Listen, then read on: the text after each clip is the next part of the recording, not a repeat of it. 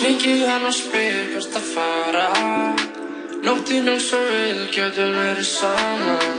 Þar er ekki að vera ég sjálfi fyrir framann hana. Rúla mér einan og við byrjum að tala saman. Tala saman, alla virka daga, millir fjögur og sex.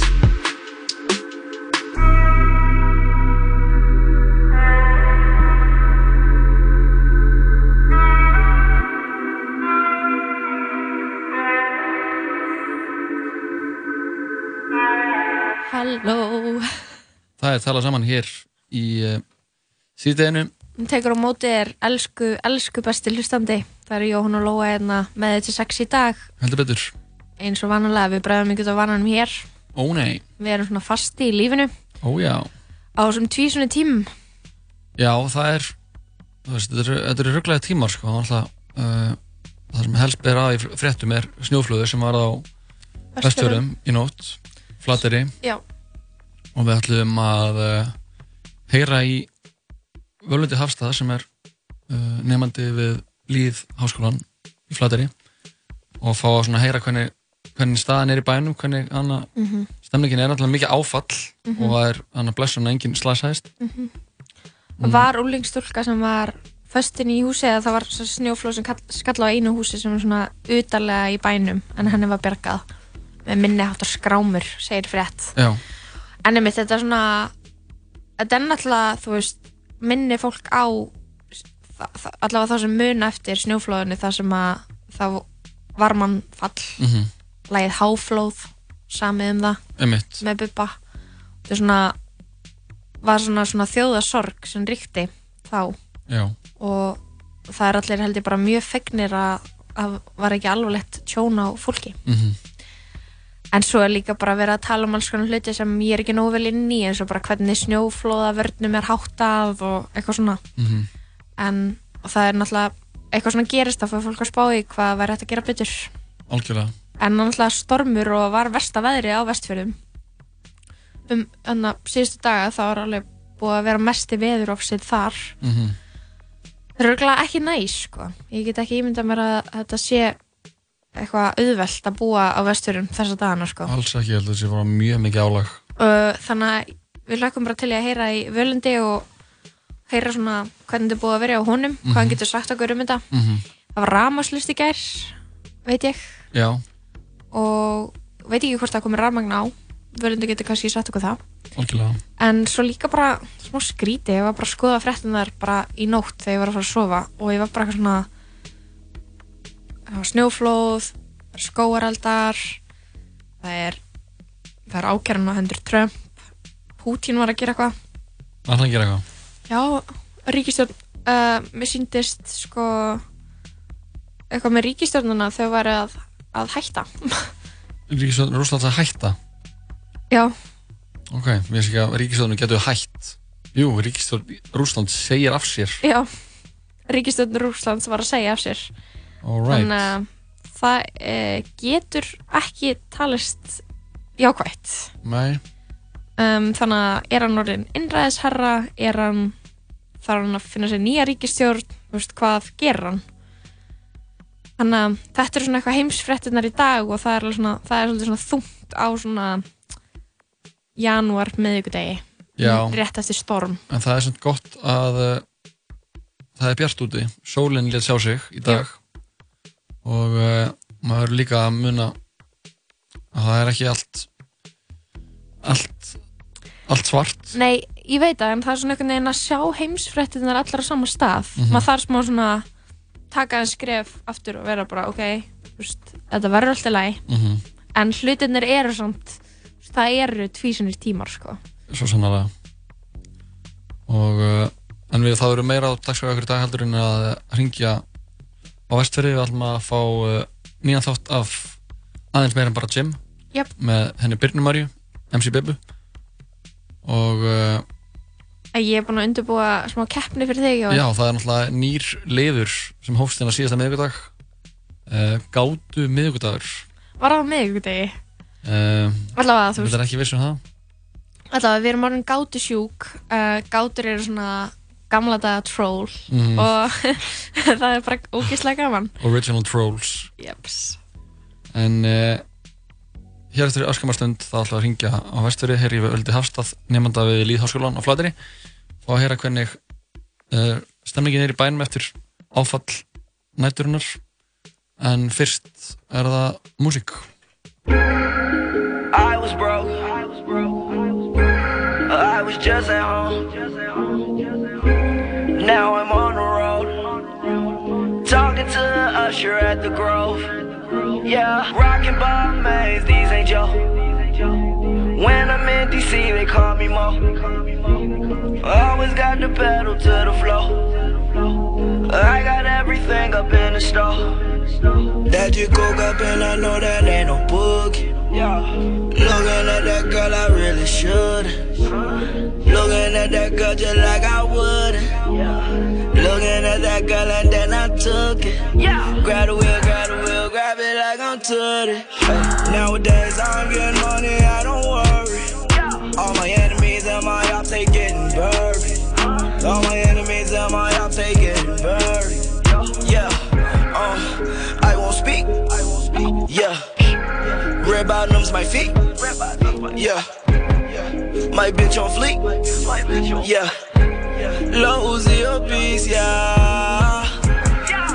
No more.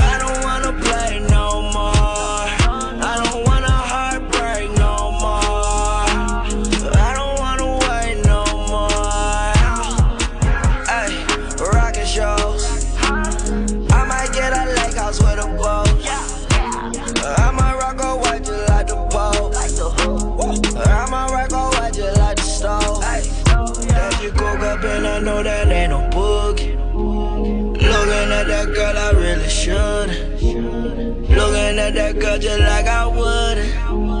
Looking at that girl and then I took it. Grab the wheel, grab the wheel, grab it like I'm Tootie. Hey, nowadays I'm getting money, I don't worry. All my enemies and my ops, they getting buried. All my enemies and my ops, they getting buried. Yeah, uh, I won't speak. Yeah, red bottoms, my feet. Yeah, my bitch on fleek. Yeah, low Uzi a piece. Yeah,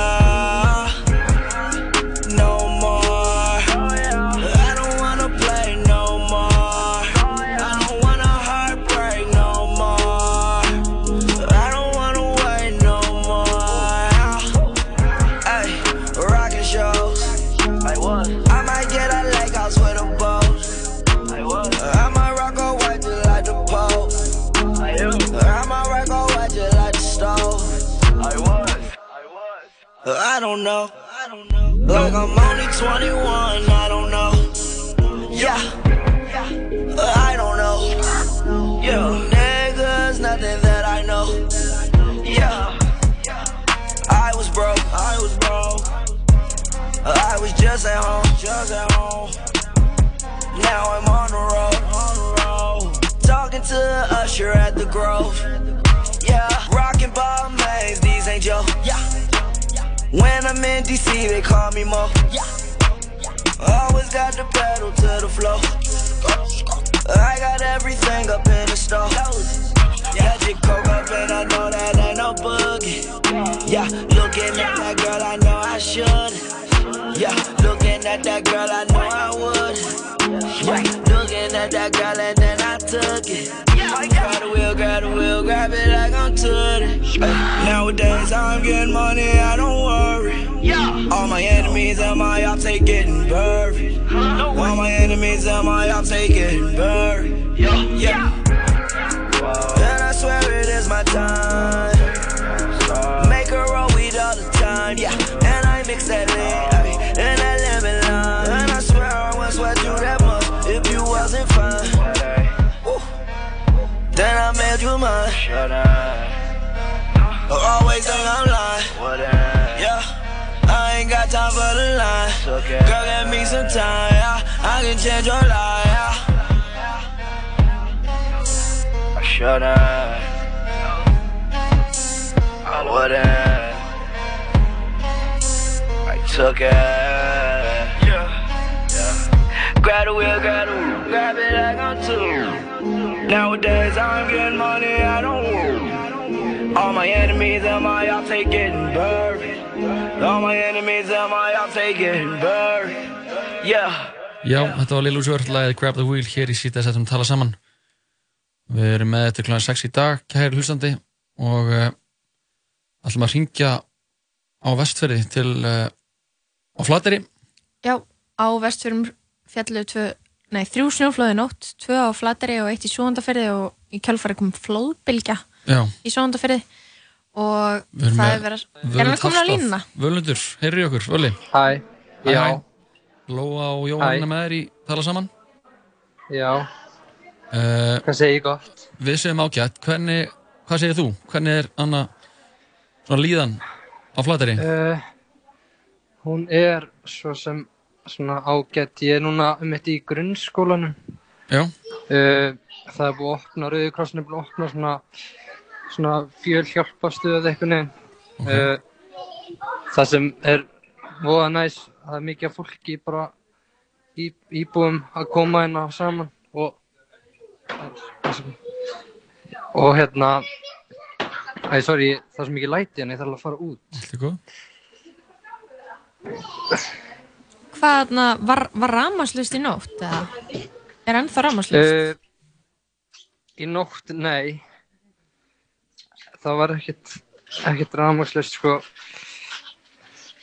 Ég skal bara segja ykkur hérna, já, það var sem sagt, sko, ég, við nefndinir í búum, heyrði, heyrði svolítið mikið vindur, kannski. Já, Ná, veitum núna. þetta var eiginlega Ok. auðveldra inni sko, en Já, ok. Já, En þetta er flott- núna. hérna- Já, við sem sagt, uh, ég bý hérna í, við nefndinni búum í svona litlum kofa, Mhm. nálægt bryggjunni. Já. Uh, og það sem er með snjórin, uh, eða varnakarnu leiðir snjó, snjóin, bara alveg framhjá mí- okkar húsum, sko.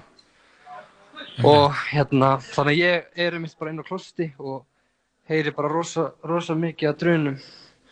Eða, nei, ég finn bara rosa mikið titring og ljósin blikka og ég er bara, náttúrulega, ég hugsa fyrst bara járskjaldin, síðan fatta ég að þetta er vantilega bara snjóflóð, sko. Og, og hérna, og ég náttúrulega hef bara, veit náttúrulega að þessi varnagarði og síðan að varnagarðin er rosa stór og, og er alveg bara svona, maður vissi alveg að hann væri að, að vernda okkur, væri að bjarga okkur og svona, en, en þannig að mér fannst þetta bara voða einhvern veginn, hérna, bara svona, ég veit ekki, einhvern hátt svona spennandi bara. Uh, en náttúrulega, og, og skólastjórinn kemur hérna á milli húsa og er að tjekka hvort það sé ekki öll í lægi og, og það er allir góðum alla, allir eru heima held ég. Uh, enginn var úti, þannig að, en síðan allt í hennu kemur hann aftur og þá er verið að rýma húsin og, og ég er bara svona, ok, shit, ok, en það var sem þetta ekki trættur einhvern veginn þannig en ennþá svona fannst þetta bara pínu áhugavert að lenda í þessu en og síðan erum við komin saman upp í samkomús og hérna og þá einmitt frétti maður uh, af þessari einu stelpu sem að var hérna uh, festist undir sko. Og, og þá náttúrulega var ekki búið að finna hana sko. Nei. og þannig að það er alveg svolítið svona áfall sko. Já. alveg mi mikið áfall og og svona, að þeir mann alltaf þekki til þess að stelpa, hann veit alveg hver þetta er. En síðan svona náttúrulega síðan stuttu setna þá kom þess að fréttir að, fann, að hún er komin að búið að finna hana og, allt í góð með hana og hún er í góðu lagi og, og það var svona mikill léttir en samt ef maður er alveg búinn að vera með sko í bara svona hnút í maðunum alveg bara síðan í gæri yfir þessu sko. Þetta er alveg svona náttúrulega lítið samfélag, já. Það ekki allir alla. en það er búið að vera svona allir búið að vera voða duglegir að, hérna, að tala um þetta bara í alla morgun og, og maður er búinn að gráta og maður er búinn að svona þetta er alveg sem er náttúrulega mikilvægt en, en sem betur fer er náttúrulega þessi varnagar þetta bara bjargaði lífi okkur allra sko. Ummitt. og, og bara eiginlega kraftaverka þetta, þetta fór svona vel sko. Eða náttúrulega bara með, með hana sko að, að því að já. Þegar, að- þegar snjóflóðu lendur á húsin hennar, þú veist, fer það bara yfir allt húsið og, og er það bara Í allt sko, húsið grafið það sem snjó? sagt, já, það, ja, sko, það hafði sem sagt komið snjóflóð nokkur dögum fyrr uh, sem, sem sapnast upp við, garð, við hérna utan á snjóflóðgarðin sem myndaði svona ákveðin stökkpall fyrir þetta flóð uh, Já, einmitt. og það sem gerist er að, hérna, er að snjórin fer á milli húsins og varnagarðins og, og bara með þrýstingum þá brotna bara rúðan og eitt, þetta herbyggi sem hún var í fyllist að snjó sko. Oh my god. uh, þannig að en þannig að það var þetta fór ekki svona í gegnum þakið enni þannig en og sem betur fer náttúrulega bara hérna vissi, vissi mamma hennar nákvæmlega hvað hún var og, og, og samt var hún í 40 mínútur sem náttúrulega alveg hlýtur að verið rosa erfitt og en sem betur fer þá var hún bara alveg komst, komst bara mjög, slapp mjög vel úr þessu Já, sem betur fer. Og er, er eitthvað svona aðgerið farin að stanna til að rýma snjóinn úr bænum eða hvernig er svona, hvernig er, veistu ekki hver, Já. hver staðan er á? Sko við vorum í samkomúsinu og það búið, það búið að vera alveg bara rosalega mikið óviður alla morgun en það lægði sér núna en já þannig að við og það er alltaf bara búið að vera þannig síðust daga að það svo mikið snjóra maður sér ekki eins út úr gluggana sko. Já, uh, þannig að síðan þegar maður kemur út ma- við vorum síðan færði yfir í skólan í mo- morgun klukka um hátið og þá sér maður bara að það er rosa mikil snjór og, og, og skólinn er mitt á móti hérna bara hérna bara við, við sjóin og þá sér maður alla bátana sem eru bara, bara komin lengst bara upp að fjörinni sko sem er alveg í rúst bara halvur ón í vatninu sko eða snjónum sem er bara annan búin að safnast upp. Og þannig að það er óvís bara hvenar einhver, einhver svona aðgerið til að gera það, að Eh, koma því í gang. Það er núna að vera til dæmis móka fyrir heldur þyrli sem á að lenda. Ok, Uh, á morgun á síðan að vera mjög gott veður þannig að, þannig að það mun heldur bara að fara í gang mikill, mikill mokstur annars hefur svona undanfanna daga ekki verið með eitt að móka þetta er bara þetta er stanslist, endalist verið að fylla aftur í spórin sem er að lappa í sko. Þú erum blindbölur bara. Já, það er bara að því er ekkert að vera að móka en eða síðustu daga sem sagt en Hvað gerir þið í skólanum á meðan? Er, er bara búið að vera frí eða hva, hvernig er þetta búið að vera? Uh, jú, það er náttúrulega uh, Já, það, það er náttúrulega Já, við erum ekki búin að vera neitt í skólanum í dag. Mhm. uh, Við sem eru á hugmyndabrautinni hefum kannski náð að að vinna í verkefni okkar en, en þeir sem eru í útvistabraut eru með kennar á Ísafjörði sem náttúrulega bara kemst ekkert yfir. Þannig að það þannig að það er bara búið að vera voða rólegur dagur. Ég held líka bara að fólk þurfi aðeins að svona að einblina á bara gerkvöldi og svona tala um það sko. Er þess að ófært á milli Ísafjörðar og, og Flaterar? Hvað segir ég? Er, er sagt, þeir sem eru á Flateri núna, eru þeir fastir þar? Er ekki hægt að keira í burtu? Já, það er búið að vera ófært til Ísafjörðar alveg síðan á föstu daginn sko. Ok, og er ekkert, pæl, ekkert- er ekkert pæling að fara að Flateri? Það, eða þú veist, upp á, er hægt, hvort þessi hægt á meiri snjóflóðum eða eitthvað þannig? Uh, það kom núna með, með vars, varskipinu frá Ísafjörði komu einhverjir sérfræðingar að mæla þetta, uh, mæla, mæla hérna gilin í fjöllunum og, og ég með skilst að, að, að fjalli hafi algjörlega tæmst sko. Ok.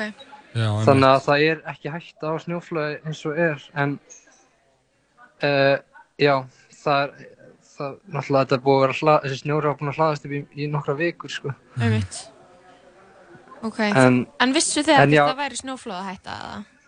Eða þú veist, jú, maður var búin að heyra það og ma- maður var mitt að tala um þetta bara, ég man, ég, ég var bara að tala um það í gær bara bara eh, hvort að þú veist að því að bara þetta er fárlegt hvað það búið að snjóa mikið sko.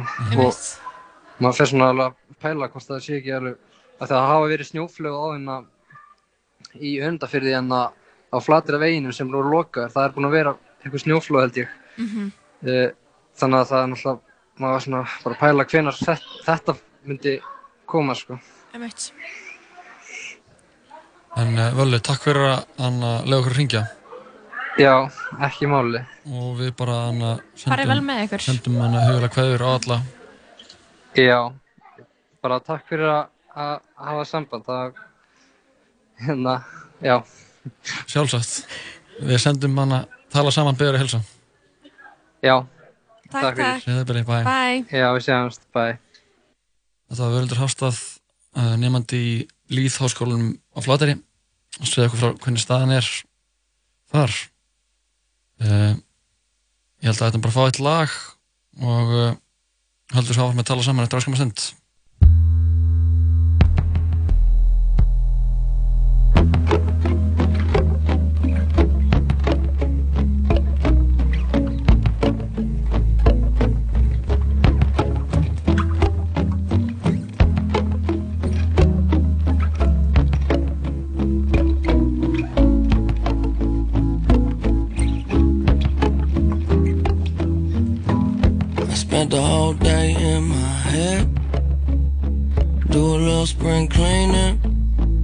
Always too busy dreaming. Well, maybe I should wake up instead. A lot of things I regret, but I just say I forget. Why can't it just be easy? Why does everybody need me to stay? Oh, I hate the feeling when you're high, but you're underneath the ceiling. Got the cards in my hand, I hate dealing.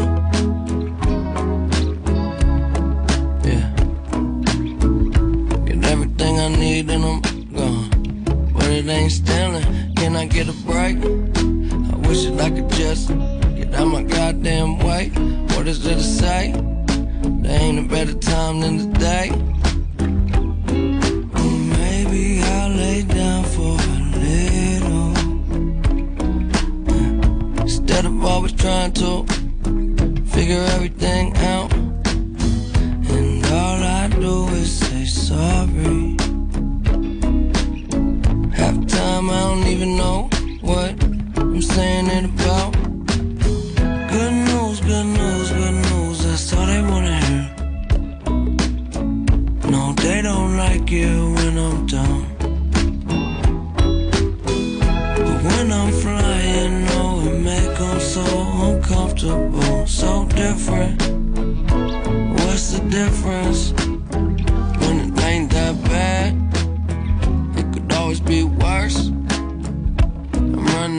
Gas, hardly anything left. Hope I make it home from work. But so tired of being so tired. Well, I gotta build something beautiful just to go set it on fire. No lie, but sometimes the truth don't sound like the truth. Maybe cause it ain't. I just love the way it sound when I say it.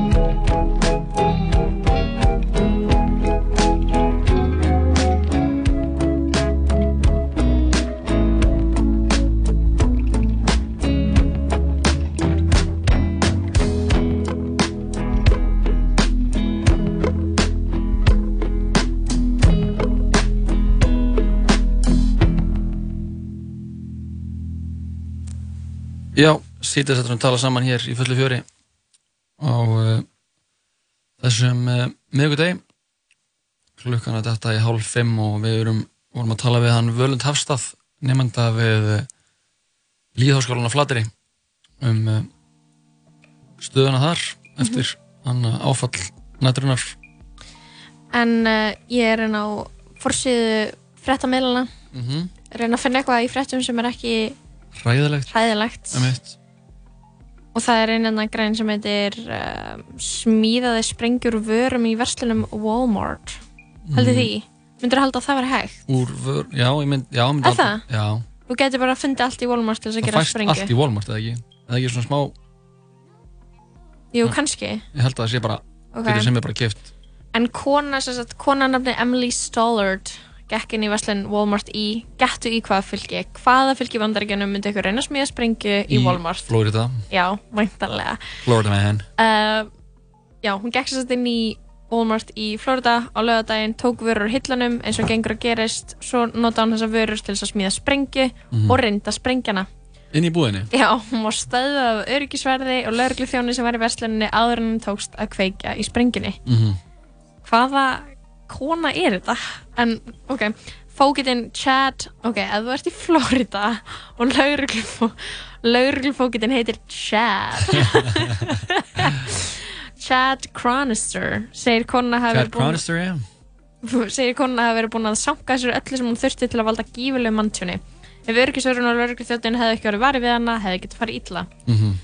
og sagt þessari CNN frétt þá var Stollard með barn með sér þegar hún var að reyna að sprengja sprengjuna og uh, það var sérst öryggisverður sem kom auga og hún væri búin að vera að opna ykkur vörur sem hún hefði ekkert greitt fyrir og hringda lögguna en hún var sérst að kveikja á eldspýtu sem hún alltaf nota til að kveiki sprenguna sprengjunni þegar hún var handtekinn Já, ok eitthvað- Æjæjæj, Ekkert að djóka, þessi nei Pældi í þessu Já, allan fínt Lappin í Walmart og byrja að smíða sprengju. Já, Líka, anna, þessi kona segja hann að mynda henni Þessi kona hefur Hún er búin að ganga gegnum eitthvað já, sko. hún hefur séð tímar að tvenna. Ég held það sko. Mhm. og, En ég samt Ég hefði ekki haldið að þetta vera hægt sko En mér er náttúrulega lóki langa til þess að kunna búið til sprengju. Ég myndi ekki samt ekkert vilja Ég gerði þetta alltaf Svona þegar ég var krakki, sko Það voru að smíða sprengjur. Já, Og En- þá downloaduðu Anarchist Cookbook á Já. LimeWire. Ok. Og, uh, Og Anna- sáuðu sprengju uppskriftir. Já, Anarchist Cookbook Já. var með, þú veist, uppskrifta Mhm. reiksprengju, við byggum reiksprengju Og hvernig gerum maður það? síður saman saltapétur og sigur Ok, reynda rústaði sko pönnu. Hanna, in the process. Já, pönnu eins fóruldris Ok, drengjana í hóknum maður er bara að vera tilbúin að forna pönnu sem þetta er maður byrjar. Já, og við byggum til reiksprengju og hann að mér sé að sko letum hann um inn um glugga og kjallara fyrir þótt á sig. Nei, það er ekki gott. Nei, en það ég bara sé, þetta er eitt af því sem ég sé bara mjög mikið eftir í lífinu sko. Var, var þetta? Vá, það er svo leðilegt líka bara að vera niður í þvóttahús Það er bara reikspringar Já, það, eða, veist, það kom líka Það er bara það kom líka bara slökkvilið kom. Já, við fylgdumst bara með stóðum í fjarska ekki átið þetta í fyrsta skipti eða veit Já, lagan ég er eiginlega játað í fyrst skipti Að þú setja bak við þetta? Já, þetta var ég. En heldur að geta ekki ætla, kannski að sé einhvers staðar einhver annar lauruglumæður sem var að reyna að crack the case bara svona Da Vinci Code. Er bara að vera að setja svona strengi á milli eitthvað að pinna Og svo á- verðum bara randomli að skuttla úrlingnum sínum sem vil hafa þessa stöða á. Já, og heyri mig Játa. þetta. En þú ert ekki búin að segja hvað hús eða hvað ár Þannig að Nei, þetta liggur á milli hluta. En þessu. já, sprengjur það er fínt að vera ekkert að gera það. Vera, vera ekkert að smíða sprengjur lengur. Nei, það er ekki gott. En já Ég veit ekki, ef að halda fram að fara yfir fréttir eða? Já, það er nú eitthvað svona frekar þunnur anna, þunnur þrettandi finnst mér í, í, í því sem er að gera þannig að bara eins og við segjum það er bara hana uh, öll þessi ósköp hana skóareldar uh, snjóflóð. Alltaf handbóltinn uh, það var held ég að byrja leikur núna. Já. melli Íslandíka og Ungverja. Eða er að byrja. Náður að horfa eitthvað á einhvern handbóltaleika síðan Já, við vorum ég að tala? já, þau voru mér um daginn þannig í fyrirtak þá uh, þegar þátturum kláraðist þá horfði ég á setni hálfleik uh, leik Íslandíka við rúsa Ok, og uh, þannig að það var mjög gaman sko. Og við unnum með það við unnum, við Erum við erum, komin áfram. Hann er flott. Getum nú bara óskaði öllum í handbóltalandsliðinu til að hemgjum það. Já, öllum Íslandíkum, það er allir ótrúlega spenntir fyrir þessu nema, Við. Ég er orðin smá spenntur sko, Er þú verið spenntur? já, eða svona. Ég- Já, ég get ekki þannig að get ekki fundið fyrir spennu hvort þessu. Nei, það er fínt, þú svona vegur upp á móti restina af þjóðfélaginu. já. já, emitt en það er emitt, það er náttúrulega bara eins og við vorum að minnst á þetta áðan þá er ríkistönd Rúslands búin að segja af sér og það verður einhver að koma að útskýra það fyrir okkur. Ég, ég get samt, ég held ég sé búin að fatta þetta sko, þess að fórsetisráþara Rúslands hann heitir Dimitri Medvedev Medved þú ert með þetta á hreinu segir Medvedev. Ok, skilur þetta er erfitt rúsnest nafn, sorry. Mhm.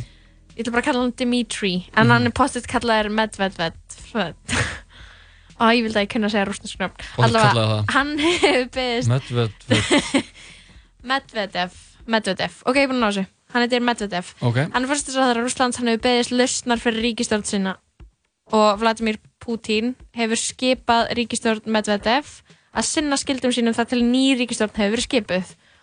Og Medvedev vil gefa Putin það svigrun sem hann þarf til að gera umfásmikla breytingar á stjórnarskar Rússlands. Mm. eitt sem ég vissi ekki er að, að ok, svo Putin vil takmarka fórseta framtíðarinn við tvö kjörtímabil. Hann er samt sjálfur búin að sitja í fjögur kjörtímabil og hans kjörtímabil er líkur uh, 2024 en þú veist, vissur að, hann, að Putin var fórsetisráþara áður en hann var fórseti já, hann er rauninni búin að stýra Rússlandi síðan sögunnar. 1999 já, hann er hann er topp, hann er the top boy þar. Uh, 100% hefur engin eitt mikið meira að segja heldur en hann, hann var, það er geggjað þáttur, ég mæli með að hlusta á í ljósi sögunar um, um, um Putin Já. hann var svona algjör hann er mjög svona lúmskur. Hann byrjaði sem hann byrjaði sem einhver KGB maður eða ekki? og, um, og vann sér síðan upp Mhm. með alls konar að, eitthvað svona aðferðum og einhverju dóti, ég veit ekki. Var hann ekki eitthvað í einhverju svona hreiðverka málum, eitthvað svona Jú, KGB er náttúrulega bara í einhverjum svona varnar, umrætt, þessum varnarmálum. Emitt og njósnum og eru og þannig og það náttúrulega er held ég bara alveg að almanna vitorðið að, að rússar fylgjast mjög vel með þegnum sínum og allir diplomatar sem farið til Rússlands. Mhm. þeir eru bara undir smásjá það er bara það, það er komið heim til hérna á nóttunni og farið á daginn eða þú ert ekki heima. Farið ekki um dótið þitt, passa að það sé ekki neitt. Vá, hvað skrítið. Já, Uh, þetta er væp ákveð væp En Putin er sérst búin að kalla til þjóðratskaða greiðslu til þess að staðfesta þessar breytingar og um, greinendur telja að með þessum tillögum sínum sé Putin þegar byrjar að undirbúa að það að hann taki við embætti fórsetisráþara eftir 2024 og haldi þannig áfram að stjórna Rúslandi. mm Hann getur sömulegst tekið við formensku ríkisráðsins sem hann vil einnig gera valda meira. Þú veist, pældi að hoppa úr þessum stöðum fórsetisráþara, fórseti, verða síðan aftur fórsetisráþara, verða síðan þetta, alltaf bara til þess að stjórna öllu. mm Það þarf að halda sér við. Það Mér er finnst hvað að það- gera. Mér finnst svo, já, ok. Uh, Ég veit að það er steikt að vera eitthvað Mér finnst Putin, mér finnst þetta ekki gott. Við veist Eitthvað, Pútur er obviously, asnalegur. Bara, En mér, mér, Ég er undrandi yfir þetta sé yfir auðvitað hægt. Mm En það er greinlega bara hægt að gera allt ef maður er nógu spiltur Ef viljinni fyrir hendi, það er allt Hægt. allt, allt mögulegt. Verður þess að hægt að stjórna Rúslandi Höldum áfram í sýtt þess að tala saman eftir öskama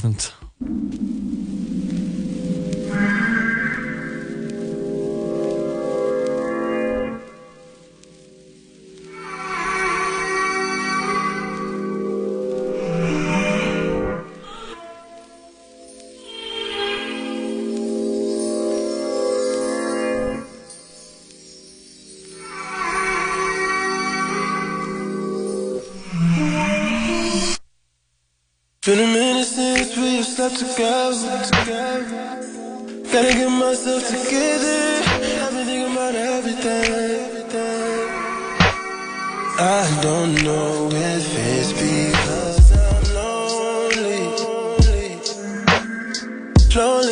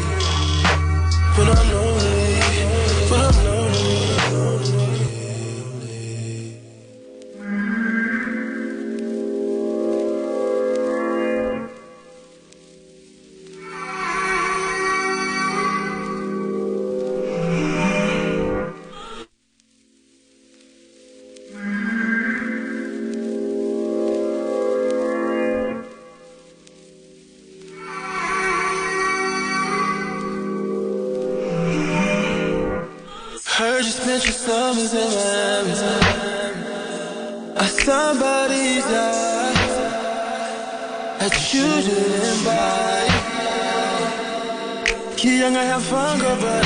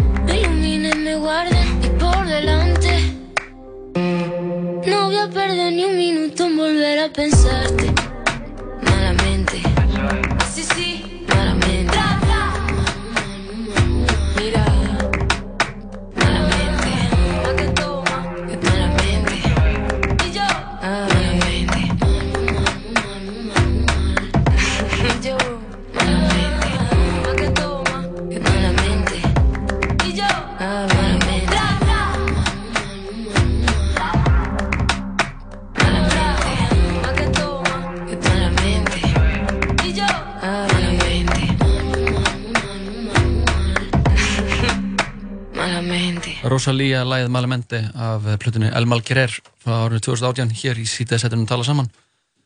Jóhann og Lóa með döglan 6 í dag. Ó já, og uh, við erum sérstaklega gáðið í dag. Ég get eiginlega ekki tekið undir. Ég held við höfum aldrei verið heimskari heldur en okkur í dag, ég vona að hlustendur okkar umberi það. Já, við vonum það. Vonum Mögulega. það ég, Mögulega ég held að ég held að heimska mín sé mörguleiti tilkomin vegna innkomu Toon Blast í lífið Já, ég var að byrja í er ég var að byrja í einhverjum síma tölvuleik sem er alveg eins og Candy Crush mm. maður er eitthvað að reyna að sprengja eitthvað dót Mhm. maður þarf ekki að hugsa, maður er bara eitthvað að íta á skjáin þá til eitthvað springur og svo kemur svona eitthvað pjú pjú eitthvað Já. maður fyrir eitthvað steg og líf og svo klárar maður lífin sín og þarf að borga og þetta það er svo mikið fíkni element í þessu að þú ert alltaf að huglaði hvernig þessi skipt sem að klára lífið og peningana hvort þú eigi bara að sækja kreditkortið og kaupa Varstu búin að gera það? Nei, út því að ég bara að reyna að vera ekki heimsk Erst þú búin að nota kreditkortið þitt í Candy Crush? Uh, já Oft? Nei, nákvæmlega ég notaði það ég einu svona downloadaði leik sem hann uh, var með svona var svona bíómyndarleikur var svona einhverjar svona, svona dúkkur einhverjar og þú áttir að Velja sögu þráð velja sögutráð Ertu að tala um leikinn sem var alltaf í ads á Instagram Já. og var eiginlega bara spam? Já, ég var og þú að spe- downloadaði hann? Ég downloadaði og hann. varstu hooked? Já, og var að kaupa mér. Nei, Og já, ke- ekki keypti segja mér- mér þetta. kefti sögutræði Nei. Jú uh, og kefti svona skemmtilegri end, endalok á hverja sögu og Þetta er svona þannig að veist, það kom upp ykkur aðstæður og þú varst ykkur karakter og þú gæst valið leið A eða leið B sem svar, eða já, ekki? eða leið sé fyrir Peninga. skildingin Nei. og ég, jú, ég gerði þetta Og hvað hva, hva heldur að það fara mikill peningur í þetta? uh, 5.000 kall eða eitthvað Já, mitt, veist, þetta er ekkert það mikil peningur en þetta er meira svona prinsipið að það er búið að narra þig í eitthvað, eitthvað, fík, eitthvað svona fíkni styrlun, eða skilur við já, bara vera niðurlega mann. Þetta er bara bara að, að er- opna kredit, að sækja kreditkorti í veskið til þess að gera, þú veist, til þess að kaupa 100 coins í Toon Blast. Mhm. Þú veist, þetta er bara, ég get ekki tekið þátt í þessu. Nei, þetta er alvarlegt. En, en Þetta er sko fjárhagsleg og vitsmjónuleg niðurlæging. En þetta er, þetta er á sama leveli og þegar gamlar frængur voru að senda manni Farmville request eða Candy Crush request og koma á chatið og segja getur þú please send me leave? Eða eitthvað svona, mannst ekki eftir þessu? Jú, ég reynda var fekk aldrei, fekk aldrei En þú vissir af þessu skilaboð, sko. meme? Já, já, það, ég, þá var einhverja frængur sem voru að bjóða mér að vera með í, í farmil og þarna, það er það er stingur í Það ákveðin- meðaldra konan að senda Farmville request á alla. Það er ákveðin eitthvað ósigur sem Þetta- er í því fólkin þetta er eitthvað svona þetta er eitthvað svona alveg, það er eitthvað mikið það er mikið brotið að það er mikið, ein, mikið einmannleiki sko. Mhm, mhm. en aftur á móti þá er þetta leikur og maður verður bara háður skilur við, Já. núna vil ég bara allar blöðurinn að springi og öndin detti niður skilur við, Já, það er það eina eina- það eina sem við byðum sko. uh, Herru, talandum hann að að vera ekki gáðaður Hefur þið kynntir þetta hann að trúfélagið súismi? Já, fer alveg alveg, mér finnst það alveg glata en jú, ég hef séð Hvað þetta. getur þú sagt mér um þetta? Súistar er sem sagt um, eins og við höfum all orðið var við þá voru orðið greiðlegt brottfall úr þjóðkirkjunni. Mhm. og það er sem sagt lög. Sem ég er alltaf mjög ég er sárið við því sko, ég er ennþá í já. þjóðkirkjunni. Um, ég er þetta í katholsku kirkjunni það er annar mál. Ok, þú verður að kipa því í lagi neisa og ok, já, sagt, það er svona lög um trúfélag að Mhm. þú veist, þá skráir í eitthvað trúfélag þá þarna fer eitthvað hluti af skattinu innum eða það er þú ert drukkaður um eitthvað sem er svo kallið sóknagjöld Mhm. og ef þú ert ekki lengur í þjóðkirkjunni þá fer þessu upphæð eitthvað annað ég held að hún fari í Guðfræðild háskólans eða hann já, það er samt svolítið skrítið en ok, já, ég held að- samt að það sé eitthvað en, hann sko. en það lík, þú veist, það er síðan það þú veist, velja ásatrúafélagi, það er að velja hitt og þetta. Mhm. þannig að þessi blessuðu súistar uh, ákvaðu að koma upp uh, einhverju svona svaka systemi. Þannig að þú mynd, þau myndir stopna félagið eitthvað súistafélagið eða eitthvað og þessi sóknagjöld myndir síðan fara til þeirra og eru síðan lögð beint aftur inn á þig. Og þetta átti að vera svona leið til þess að fá peningin sinna aftur. Þetta er eins og eitthvað sem George Costanza í Seinfeld myndi gera. Eða sem Larry David myndi gera. þetta er svo af hverju þetta effort fyrir, ég veit ekki hvað þetta er mikil peningur, þetta er 13 áskall eða eitthvað, þetta er ekki þetta er ekki eitthvað stór upphæð sko. Og anna ég segi þetta bara þú veist, þetta er ekki e, e, veistu hvað ég við? Er þetta þess verði einhverjum fannst þetta þess verði einhverjum að það skráða sér hellinga fólki í peningurinn skilaði sér náttúrulega auðvitað aldrei til fólksins sem að skráði sig í það félag. Nei, og það urðu, þú veist, þeir voru það var einhver rannsókn gerð á, á þessu félagi, sko. Og út af því að, þú veist, það kom upp þessi upp þessi deilur, skilur hvað er trúfélag, skilur hvaða um, skilir þið þarf eitthvað að uppfylla til þess að geta kallast trúfélag, þú veist, við getum við kallað tala saman trúfélag, þarftu að geta alveg, skrifandi það sko veist, í alvörinu við værum meira trúfélag heldur en trúistar, mm Mhm. skilur Mhm. en samt ekki, en samt en uh, hvað stendur í á þau? Sko, nú er ég bara með hann að opna frétt frá fyrir sko þreymra árum næstu í. Já, þetta mál kom fyrst upp Já, þegar hérastómur vísaði frá máli stopnenda og, og skráðura fórsvarsmanna trúfélags Súista á Íslandi og, Mhm. sem þeir uh, lögðu á hendur ríkisjóði málið var ha- hafðað vegna 33 miljón króna sóknargjalda sem hafa ekki verið greitt út til félagsins. Það er svona annað ríkistórnin eða þú veist, Mhm. annað ríkisjóður hefur haldið þessum peningum aftur. Hafa ekki verið bara, já, hefur látið á að hafa þennan sóknargjaldin Vá, hvað voru sem sagt margir sem skráðu sig í þetta? já, uh, Skrítið. þessi máli var að vísa frá uh, og þá var mat dómsins að félagi uppfyllti ekki lögum skráð trú eða lífskoðunafélög Mhm. þar sem enginn var formlega skráður sem fórstöðumöður í félaginu en það eru bræðinir Ágúst Arnar Ágússon og Einar Ágússon sem eru tveir af þremur stofmyndum og forsvarsmönnum súast á Íslandi og þeir höfðuðu málið en í fyrirtækjaskrás eru þeir skráðir í stjórn félagsins Mhm. uh, bræðinu komist í fréttit á höstu 2015 þegar þeir söfnuðu metfía á bandarísku söfnuðarsíðunni Kickstarter til þess að hefja framlýslu á hana uh, vindturbínum Ha, eða svona turbínum fyrir einhverjar svona vindmöllur ok. Uh, og Þessu sem sagt einhverjir anna, hvað er maður, businessmenn uh, Já. at, at, hvað er aðtapnamenn aðtafnamenn, já, Já, og uh, og uh, núna er þetta sett aftur komið upp sko. Hér saksónari rannsakaði þetta núna í rannsakaði, fjárræður súisma hvað heita þessi menn áttur sem eru Ágúst? Arnar og uh, Einar Ágúst sinir, þeir eru bræður Þeir líti út fyrir að vera í kallak og kaffibarsins. Þeir fengu sko í 2018 fengu þeir þryggja á nýja mánuða fangilstóm vegna fjársvika.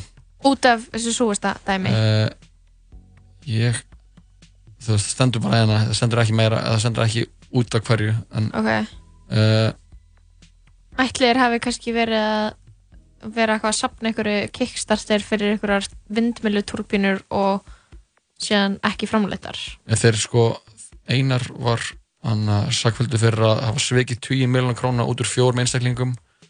Guðminn góður. fólki leitt Einar fá samtlan 74 miljonar króna eða þeirri trú að það væri til fjárfæstingasjóðs Einars í bandrækjunum oh, og uh, oh, Það er svo glatað. Já, oh, Ég þól ekki svona hann uh, oh, já, Það það var segi eitthvað ykkur, um, svona ykkur um að segja fjárfæst í ykkur og lætu upp á pening og þú ert bara að plata Mhm. uh, það, er svo, þessi, uh, það er svo mikið svona væpa á þessu súvist dæmi já, það er það sko Þetta er bara eitthvað, já, hvað er trúfélag okkur og við borgaðum tilbaka bara, varstu eitt tímann að fara að gera það? Einmitt. Bara þeir að kæra ríkið en samt, En Íslika ríki Já. hefur nú verið síknað af kröfus trúfélagsins Mhm. Súisum vegna vangoldina sóknargjalda til félagsins. Mhm. Dómur á kveðin upp í hérastofum í Reykjavíkur á 12 tímanum í dag og uh, málskostnaður á feldinu yfir. Fórsvarsmenn trúfélagsins voru ekki viðstattir dómus uppkvaðninguna.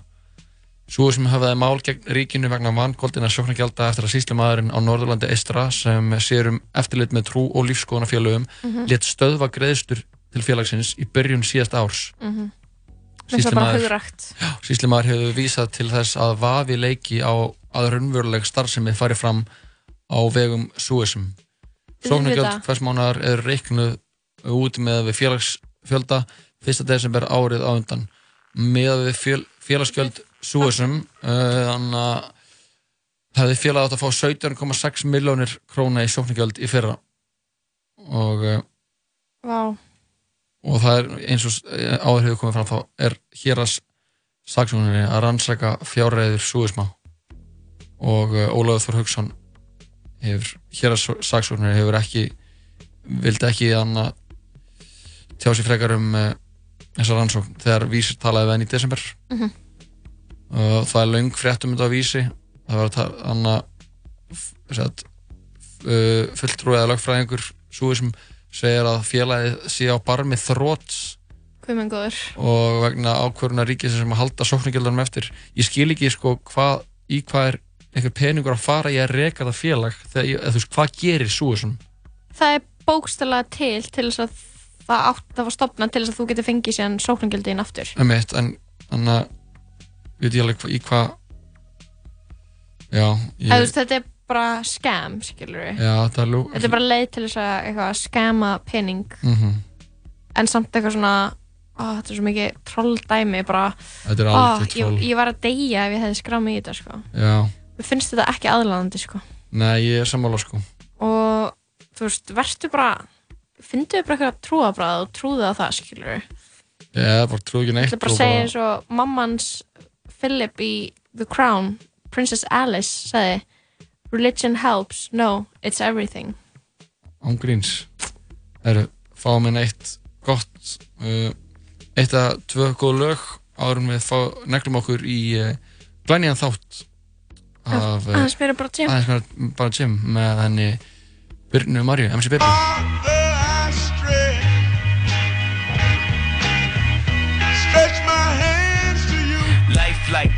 your life like. Try to live the life right. People really know you push your buttons like type right. This is like a movie, but it's really very lifelike. Every single night, right? Every single fight, right? I was looking at the gram and I don't even like lights. I was screaming at my daddy, told me it ain't Christ like. I was screaming at the referee, just like Mike. Looking for a bright light. Seagull, what your life like? Riding on a white bike, feeling like a sight bike. Pressing on the gas, supernova for a night light. Screaming at my dad and he told me it ain't Christ like. But nobody never tell you when you're being like Christ. Only ever seeing me, only when they needing me. Like if Tyler Perry made a movie for BT, searching for a deity. Now you wanna see it free, now you wanna see it free. Let you see it three a piece. Tell me what your life like, turn it down a bright light. Driving with my dad and he told me it ain't Christ like. I'm just trying to find, I've been looking for a new way. I'm just really trying not to really do the fool way. I don't have a cool way, on my best though. Block up on a text though, nothing else next though. Not another word, let a picture or a decimal. Wrestling with God, I don't really wanna rest so.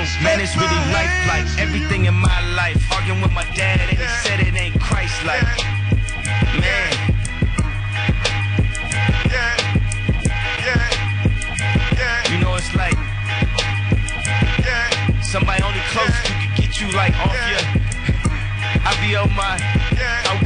Morning, I said my prayers, I'm all doing good. I try to talk to my dad, give him some advice. He starts spazzing on me. I start spazzing back. He said, ain't Christ like. I said, ah! Work it, make it, do it. Makes us harder, better, faster, stronger. That, that, that,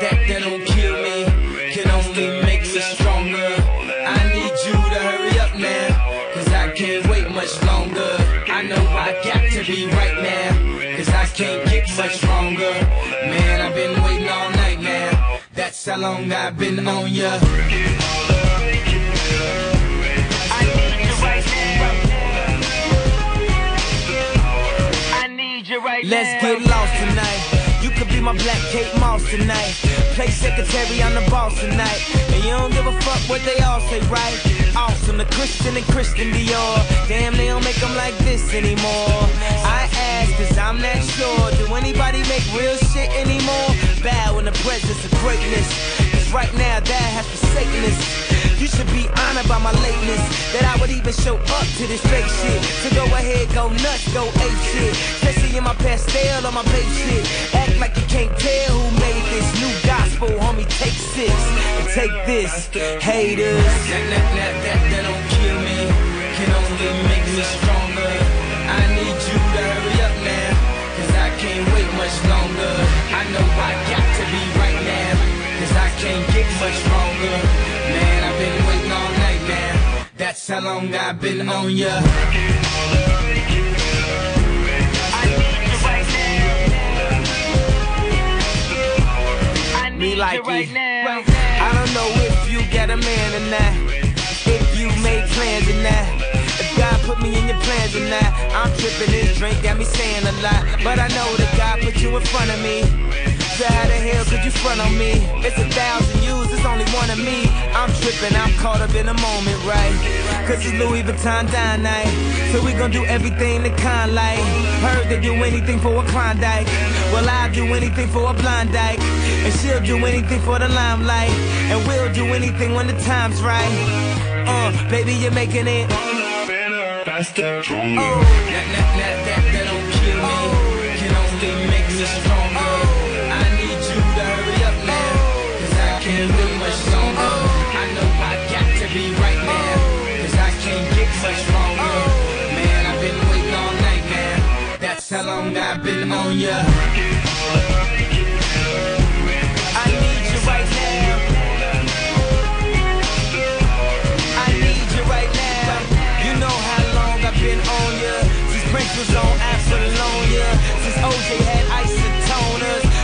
Like I never told ya. Don't act like I told ya. Uh. Don't act like I told ya. Don't act like I told ya. Don't act like I told ya. Uh. Baby, you're making it. Útvarstátturinn Tetris með DJ B. Ruff Fyrstu tvo föstudaga mánaðarins Klukkutíma kesla í hádeginu af óvið jafnalegu hiphopi sem hljómaði hér í kringum The 90s Komið ykkur vel fyrir Útvarp 101 Fylgstu með þeim bestu takast á í Dominós deildinni. Við stöndum vaktina í allan vetur. Vertu með Dominós. Þú borðar kreditkortið þitt á hverju ári í örplastsögnum. Eyður. Plastveisla í þjóðlugúsinu. Miðar á leikhúsið.is Hamburgerabúla Tómasar Hamburgerabúla, hamburgerabúla, hamburgerabúla Tómasar Algjör veistla á Nings. Fjóri réttur úr borði og rjúkandi jasminsíslu. Matur fyrir þig og þína á aðeins 5.500 krónur. Nings. Algjör veistla. Gefðu upplifun í jólagjöf. Bíókort sem gilda frá mánuði upp í ár á allar kvikmyndir í Smárabíói og Háskólabíói. Kynntu þér málið á smárabíó.is skástrygg bíókort. Útvarp 101 Já, já, og, þú veist, og eins og þessi umræði er búin að vera kannski, þú veist, um einmitt, eh, samfélagsmiðla Mhm. áhrifavalda og, og svo var þetta sett upp svona versus íþróttamenn, sko, þú veist, Mhm. það væri svona kepp á móti hvort öðru. Mér fannst það Mér fannst það leiðileg, íþró- þú veist, leiðileg umræða og mér fannst svona, kom svona smá neikvæð umfjöllin og hérna, ég er ekki trefin að neikvæð umfjöllin ég, hérna, og ég er alveg vissum að, að þessir áhrifavaldar þegar kemur á olimpíuleikum þá eru þau að fara að klappa fyrir íþróttamannunum og halda með þeim skilur, veist, það er, það er engin illindin einstæðar sko.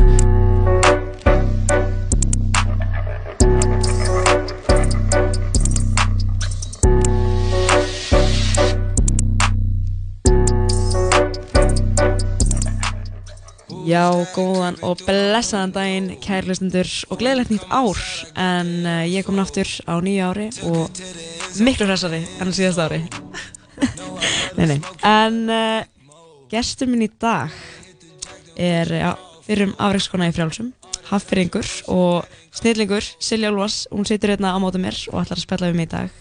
En Silja hefur í gegnum tíðina unnið með fullt af íþróttafólki úr öllum greinum og þá hefur hún verið að þjálfa það í snerpu og hlaupastíl og þjálfar bæði aturumenn og líka bara úlinga og, og bara krakka. En ásamt því að þjálfa er Silja formar ljónsjarta og bara er alltaf að brasa í ímislegu og á dögunum þá sett hann að stað verkefni sem heitir klefin.is og er svona lítill fjölmiðl, íþróttafjölmiðl. Um, Silja, verður hjartanlega velkomin. Takk fyrir.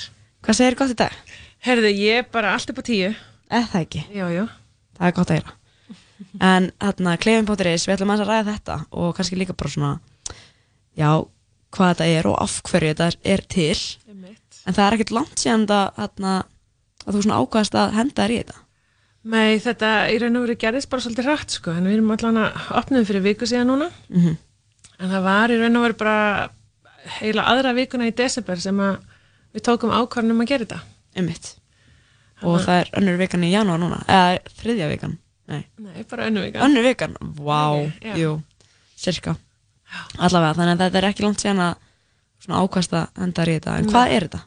Herðu, uh, klefum.is er samfélag íþróttamanna mér finnst það svolítið töff að segja það samfélag íþróttamanna sem er sem sagt að bara stefna ólupíleika Mhm. og uh, þau eru bara að deila sinni reynslu með okkur og, og hérna uh, í kjölfarið erum við raun og vera að búið til vettvang fyrir þau til þess að uh, búið til styrki. Þau fá auglýsingatekjurnar af verkefninu. Og hérna, en þú veist bara, þau geta kent okkur svo margt og þetta, er svona hópur utanum 11 íþróttamenn sem eru að stefna olimpíuleikana Mhm. en það er fullt af gestapennum líka og markmið er bara, þú veist, fólk getur komið sér á framfæri og líka bara hérna við hinn getum lært svo mikið af öðrum.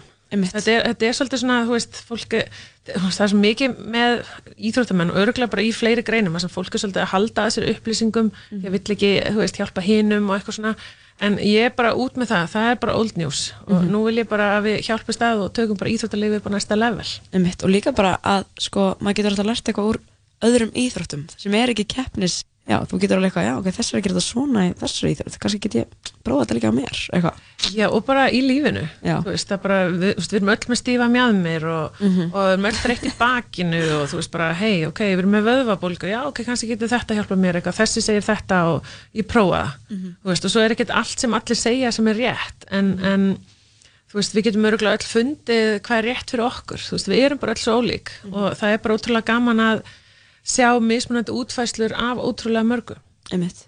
og það er En- enginn eitt þjálfari sem er eitthvað með allt upp á tíu sko, veist, og fyrir þig Mhm. en þannig að þetta er svona, já lærum bara Einmitt. En sko, af hverju fannst þér mikilvægt að koma með svona verkefni? það har náttúrulega búin að vera þessi umræða um uh, að íþróttamenn eiga erfitt með að fá styrki Mhm. og uh, í raun og veru sko, þú veist, núna er janúar 2020 en í janúar 2019 þá hitti ég þrjá sundmenn í ræktinni og hérna fatt að þeir eru sundmenn þeir eru svona, maður sér svona Mhm, oft hvað mhm. íþróttagreinu fólk er í. Og ég er rosalega gaman að stúdera líkama og, og pæla í svona hreyfingum.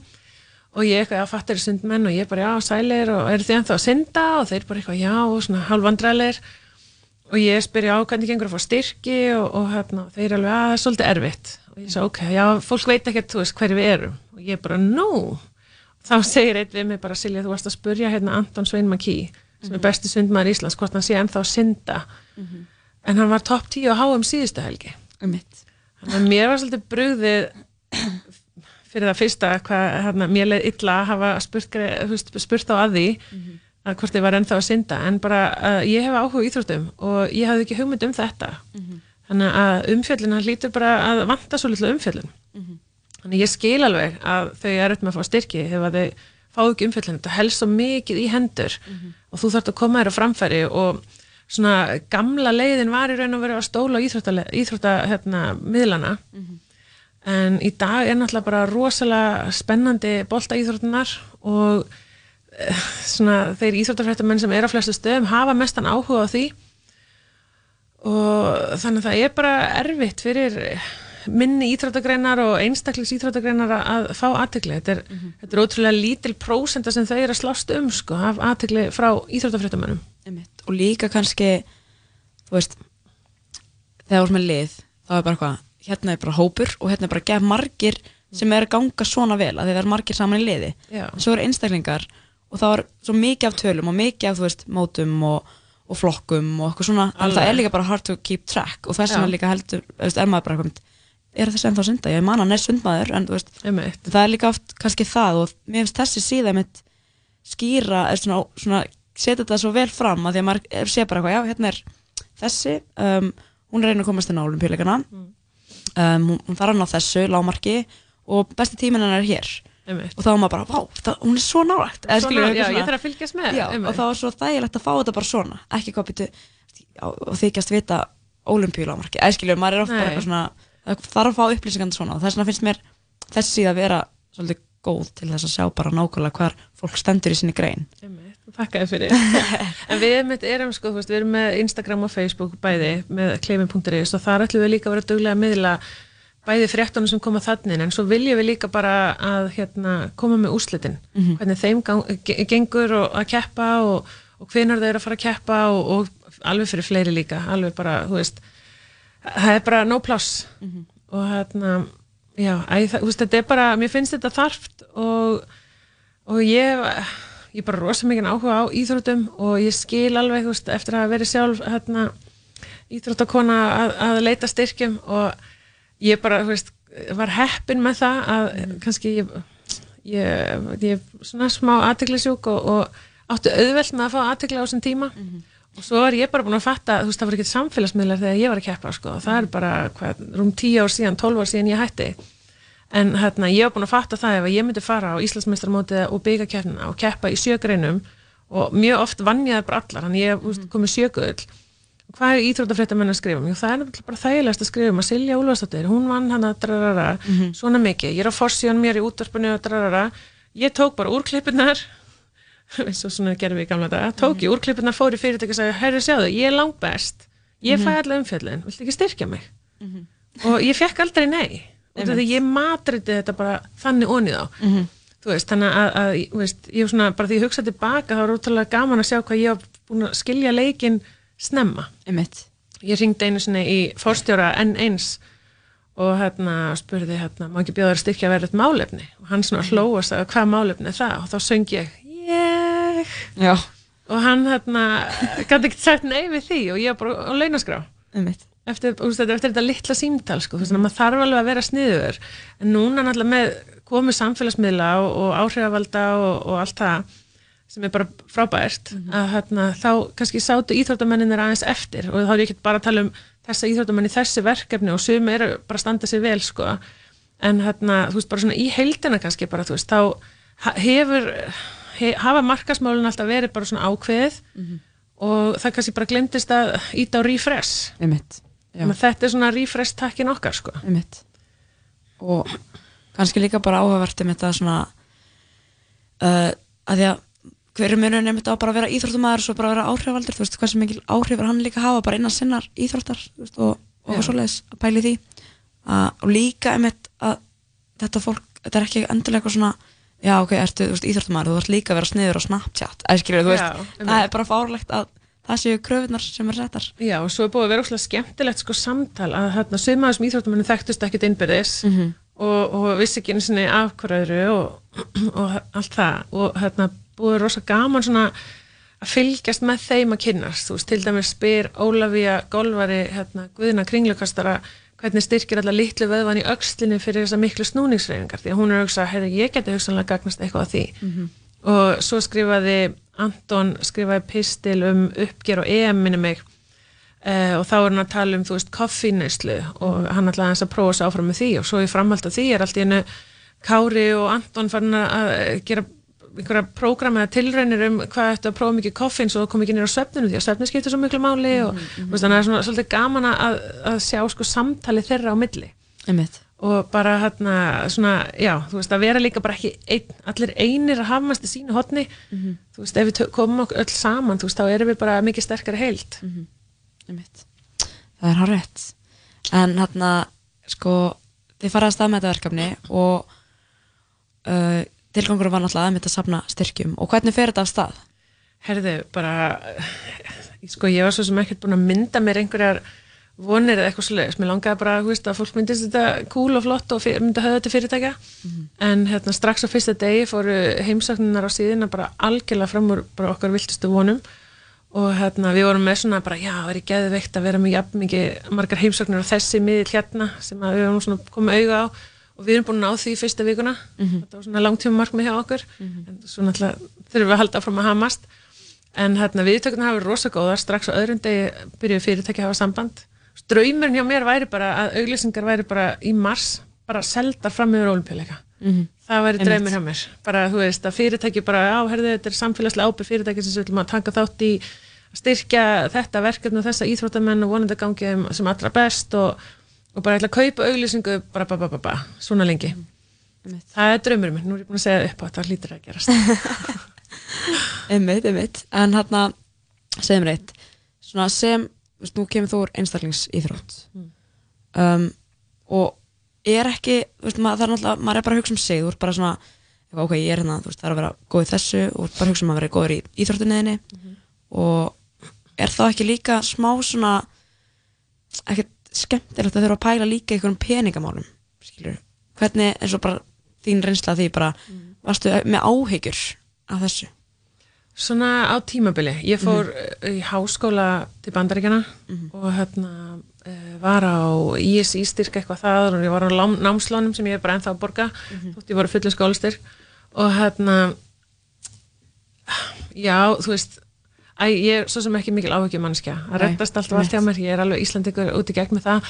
En þú veist, það var samt ekkert sérstakt að vera eitthvað svona að nota kreditkortið alltaf og svo vona maður ætti fyrir því í næstu mánaðamót sko. því að þú veist, það bara, heyrðu, ok, það er þessi keppnisverð ég, ég þarf að fara þarna, ég er að reyna að ná lámarki þarna er góð keppni, þannig eru stelpunar að keppa sem að, sem að henda mér fyrir þessu þú veist, þú vilt ekki heldur fara inn á eitthvað mót sem að þú ert best á, sko, því þú vilt láta draga þig líka áfram, sko, sérstaklega þegar þú ert að elda lámörk Hanna, og, og sko lámörkin í dag, þetta sumt af þessu er bara þú veist, Mhm. þeir eru orðin erfiðari og kannski ekki nóg bara að ná einhverjum hérna, x lengd eða x tíma eða eitthvað, heldur þarftu líka ná stigum á einhverjum mótum, einhverjum mótaröð og vera á einhverjum staði heimslista þannig að þú veist, þetta, þetta er næstu því lottó, þú veist, þannig að þau eru bara öll að gera sitt besta og vona bara að þetta gangi upp Mhm.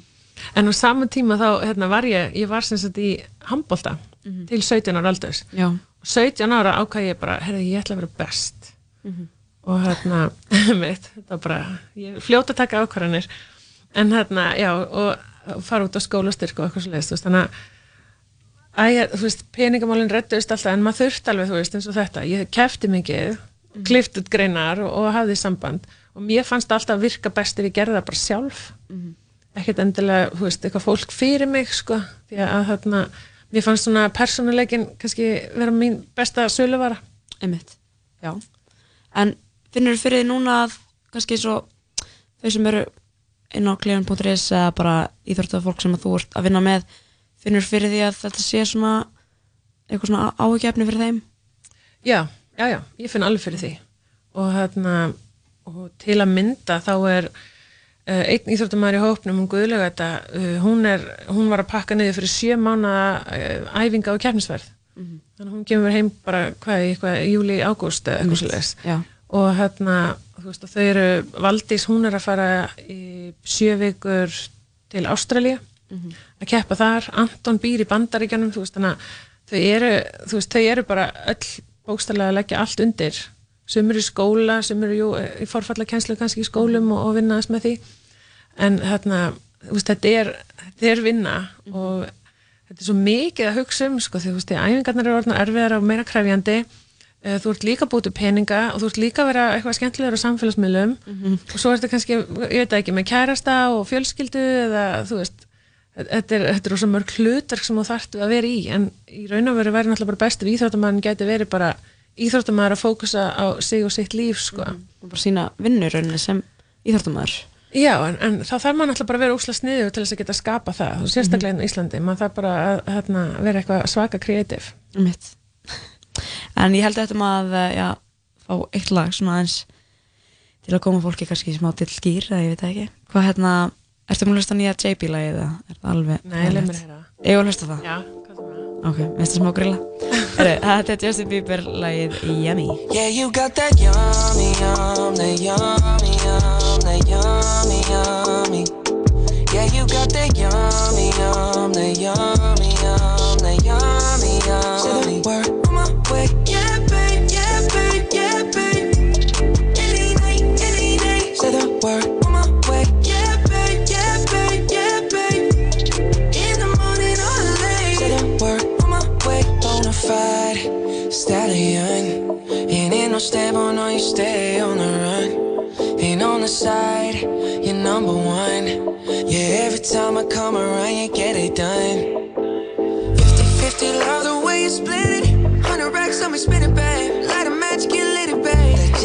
Watch the sunset, kinda. Yeah, yeah. Rolling eyes back in my head, make my toes curl, yeah, yeah. Yeah, you got that yummy, yum, that yummy, yum, that yummy, yummy. Yeah, you got that yummy, yum, that yummy, yum, that yummy, yummy. Say the word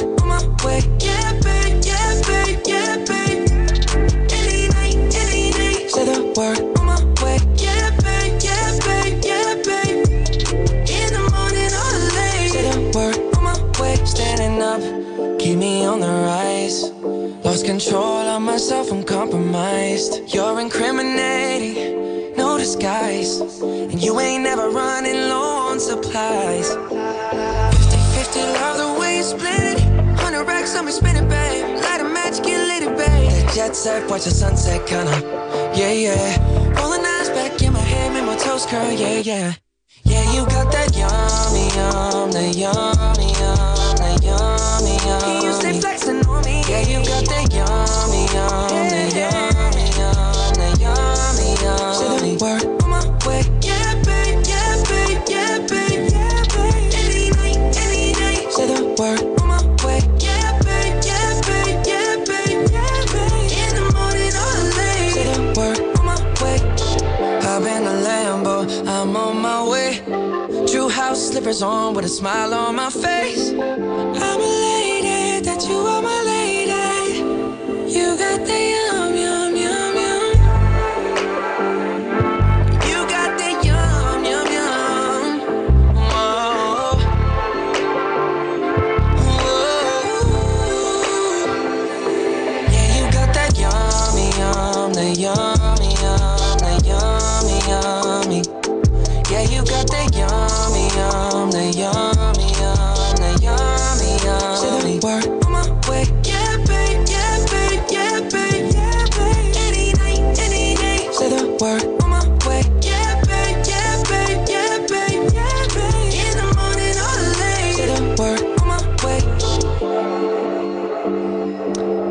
Lagið Yummy með Justin Bieber, hvernig finnst þér þetta lag? Ég er svolítið skemmtilegt að gaman að því. Já, þetta er, þetta er bara JB að vera JB held ég sko. Smá dilli, dilli, dill. En, en uh, nóg um hann, uh, við ætlum að halda áfram með klefa spjallið hérna. Við erum að tala um nýja miðlinn klefin.is sem að já, fór á stað í síðustu viku. Jú, Já. 7. 7. janúar. 7. janúar og hann að það er náttúrulega ekki langt ég mitt og byrjar að vinna þessu en veist, hvernig bara var þetta til?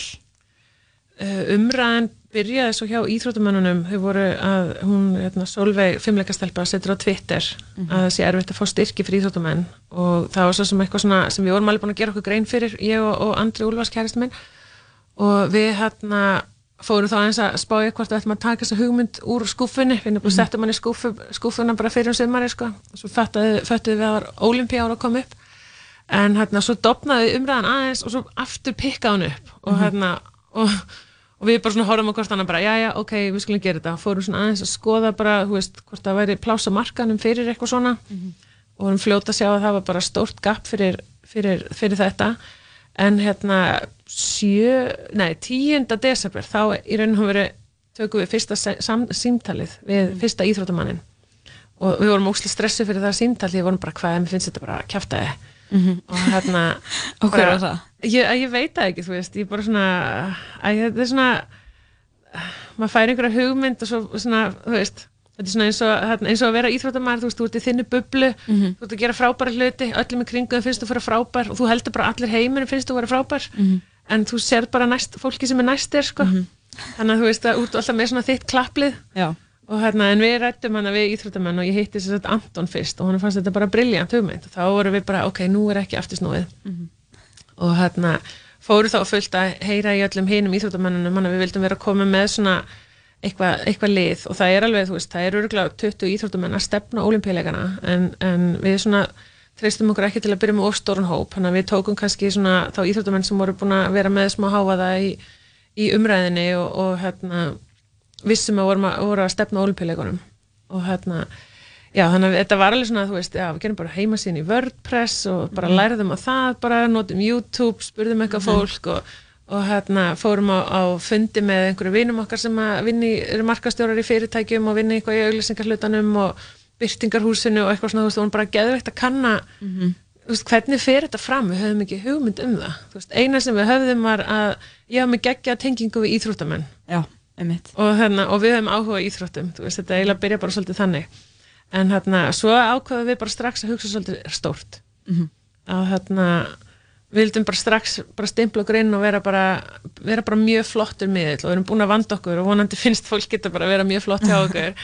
En hann að viðbröðin allan að hafa, hafa gefið í skina að fólk er nú bara nokkuð ánægt með þetta en þetta er búið að vera mjög svona fróðulegt og að setja greinarnar inn og, og skrifa og, og ég meina fyrstu greinarnar sem voru bara alveg glataðar Mhm. bara frá íþjóttamennunum hann var eins og einhver kennar að senda tilbaka bara nei það vantar allt kjöt á beinið. Já.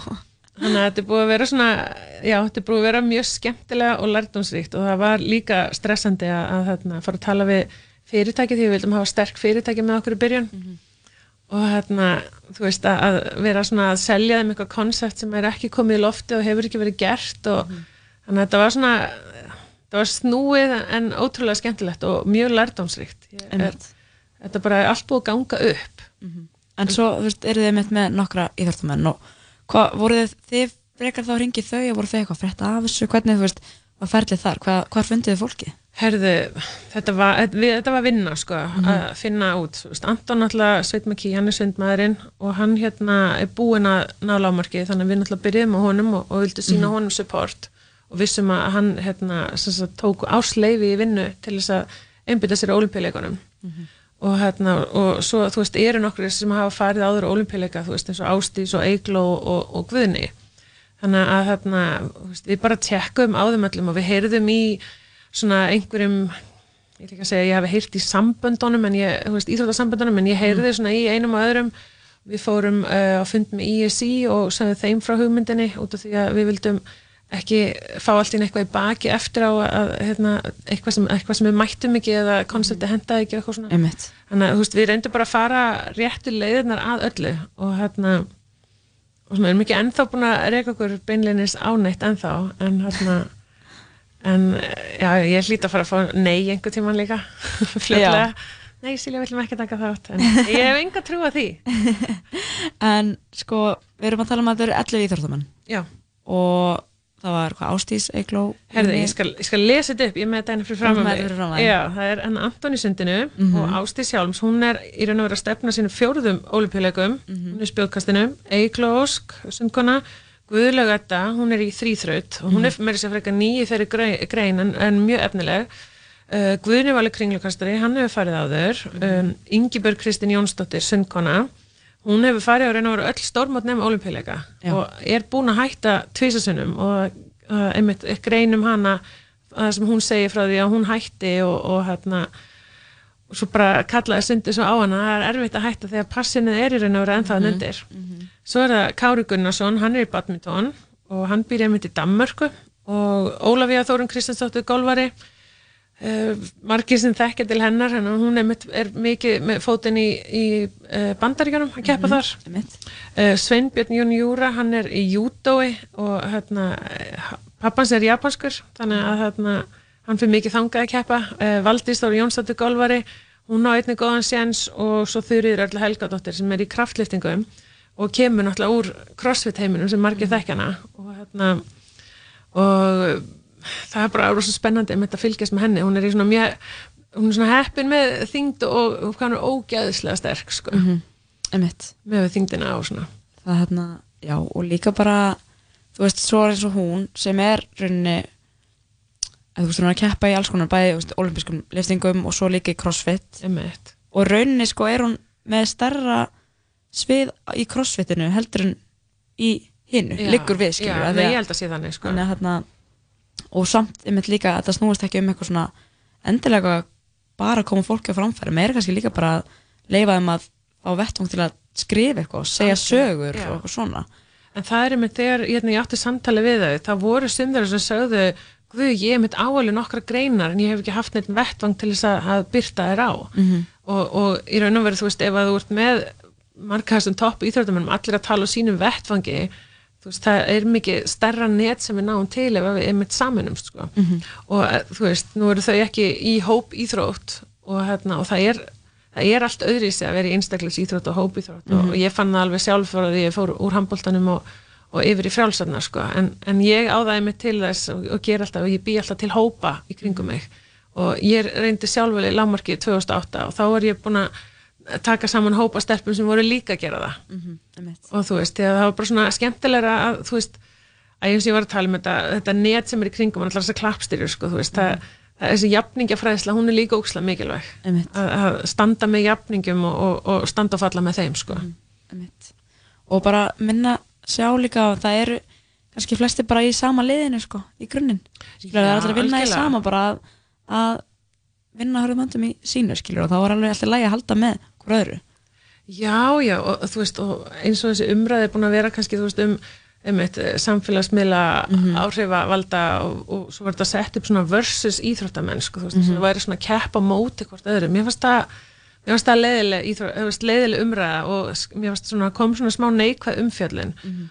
og hérna, ég er ekki trefin á neikvæð umfjöllin, ég, hérna, að ég veit ekki, ég er svona kannski batslega að trúa því að, og ég er alveg vissum að, að þessir áhrifavaldar þegar kemur á olimpíuleikum þá eru þau að fara að klappa fyrir íþróttamannunum og halda með þeim skilur, veist, það er, það er engin illindin einstæðar sko, þannig að það er alveg svona það væri nú reynda bara gaman að gera bara eitthvað verkefni með áhrifavaldum Já, og hérna, þessum íþróttamannum að taka svona smá hendur saman og, og bara vinna kannski saman að því bara allir geta grætt sko. Já, nákvæmlega. Og þú ert svolítið svona, þú ert svona svolítið meiri, að leysa vandamál heldur en að búa þið til sko Ég, ég var rosa drama queen á mínu fyrir árum sko. ég bjó alveg til vandamál þá en ég nenni því ekkert lengur Nei. nei, nei, nú er bara, þú veist, nú erum við bara fullarinn og hérna, við skulum bara leysa þetta vandamál það er mikið Já. skemmtilegra og það er bara mikið skemmtilegra að fara í gegnum lífi brosandi heldur en að með eitthvað eitthvað fólk og áhyggjur á, á bakinu sko. Einmitt. það er rétt mér finnst þarna, það er gott að tala við sko, þú ert með gott svona, svona viðhorfa á þetta allt saman. Já, já, er ákvæðni já, ekki? En ég ætla bara, ég held að þetta sé bara frábæra loka orðina það er ekki bara já, kiki í klefan og nú erum við í hljóðklefanum. Ég Já. er alltaf að tengja þetta við klefin.is ég bara mæli sterklega með að kíkja inn á þessa síðu. En uh, Silja, það er sko vani í þessum þætti að gesturinn fær alltaf að velja svona loka lokalag sem á helst að vera eitthvað svona peppandi, þú veist, gym eitthvað tengt, skilur Ok. ekki, ekki eitthvað ótrúlega rólegt. Nei, ég er með lag sko. Þú ert með lag. Já, sko það er remix. Það er hérna Right Here Right Now með Mhm. honum Fatboy Slim. Ok, Ég alveg elska, það keirir mig alveg í gang. Herðu, þarna, við ætlum að smetla þessu lagi í gang Silja, takk hérlega fyrir komuna. Skanga okkur vel Takk fyrir. öllum, Og bara allir á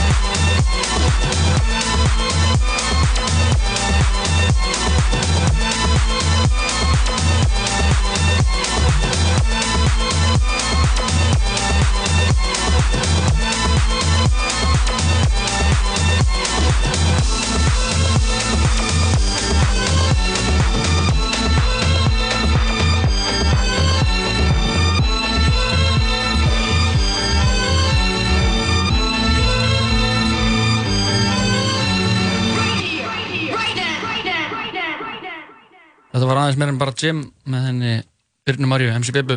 Hún var að tala við hana Silju um klefan.is Já, maður er með að fólk kynni sér Silja heitir Silja hún Úlfars.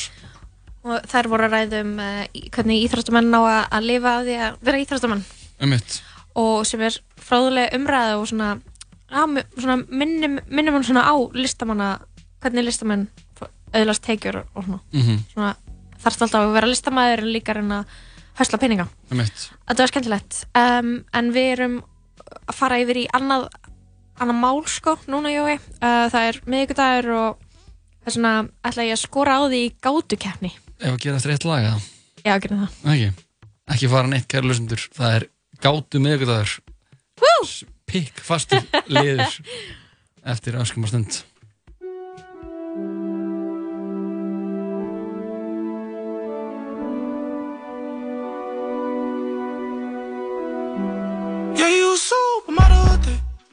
Busting out the bottom. I'ma lose my mind in it. Crazy that medulla oblongata. Get the rubbing on my lap. Get the chini up the bottom. Fuck it up, fuck it up. Pussy good, gon' back it up. Pipe up, I'ma pipe up. Make it mine, I done fell in love. Juicy thing. Make that pussy sing. One more time. Baby, do it big. Make it cry. Come boo hoo this shit. Yeah, you supermodel with it. Then that ass busting out the bottom. I'ma lose my mind in it. Crazy that medulla oblongata. Get the rubbing on my lap. Get the chini up the If I pull up with a Kerry Washington, that's gonna be an enormous scandal. I could have Naomi Campbell, and still might want me a Stormy Daniels. Sometimes you gotta bag the boss up. I call that taking Corey Gambles. Find yourself up in the food court, you might have to enjoy a sample. All these stats on Chris and Mingle, almost what got Tristan single. If you don't ball like him or Kobe, guaranteed that bitch gonna leave you. Hey, time is extremely valuable. And I prefer to waste it on girls is basic.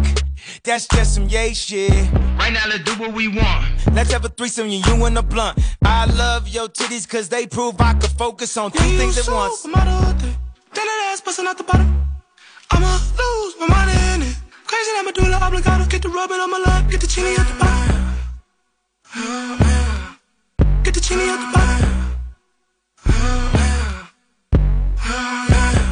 Let me hit it raw like fuck the outcome. Hey, none of us would be here without come.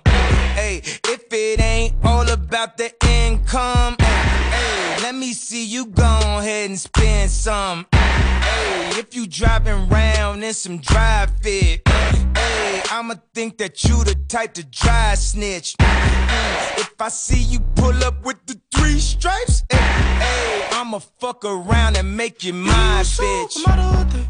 Then that ass busting out the bottom. I'ma lose my mind in it. Crazy that medulla oblongata. Get the rubbing on my lap. Get the chini at the bottom. Get the chini out the bottom. Það var Kanye West og uh, það er komið að því. Ú, ég veit að þú varst búin að vera að býða eftir þessu kæri hlustandi.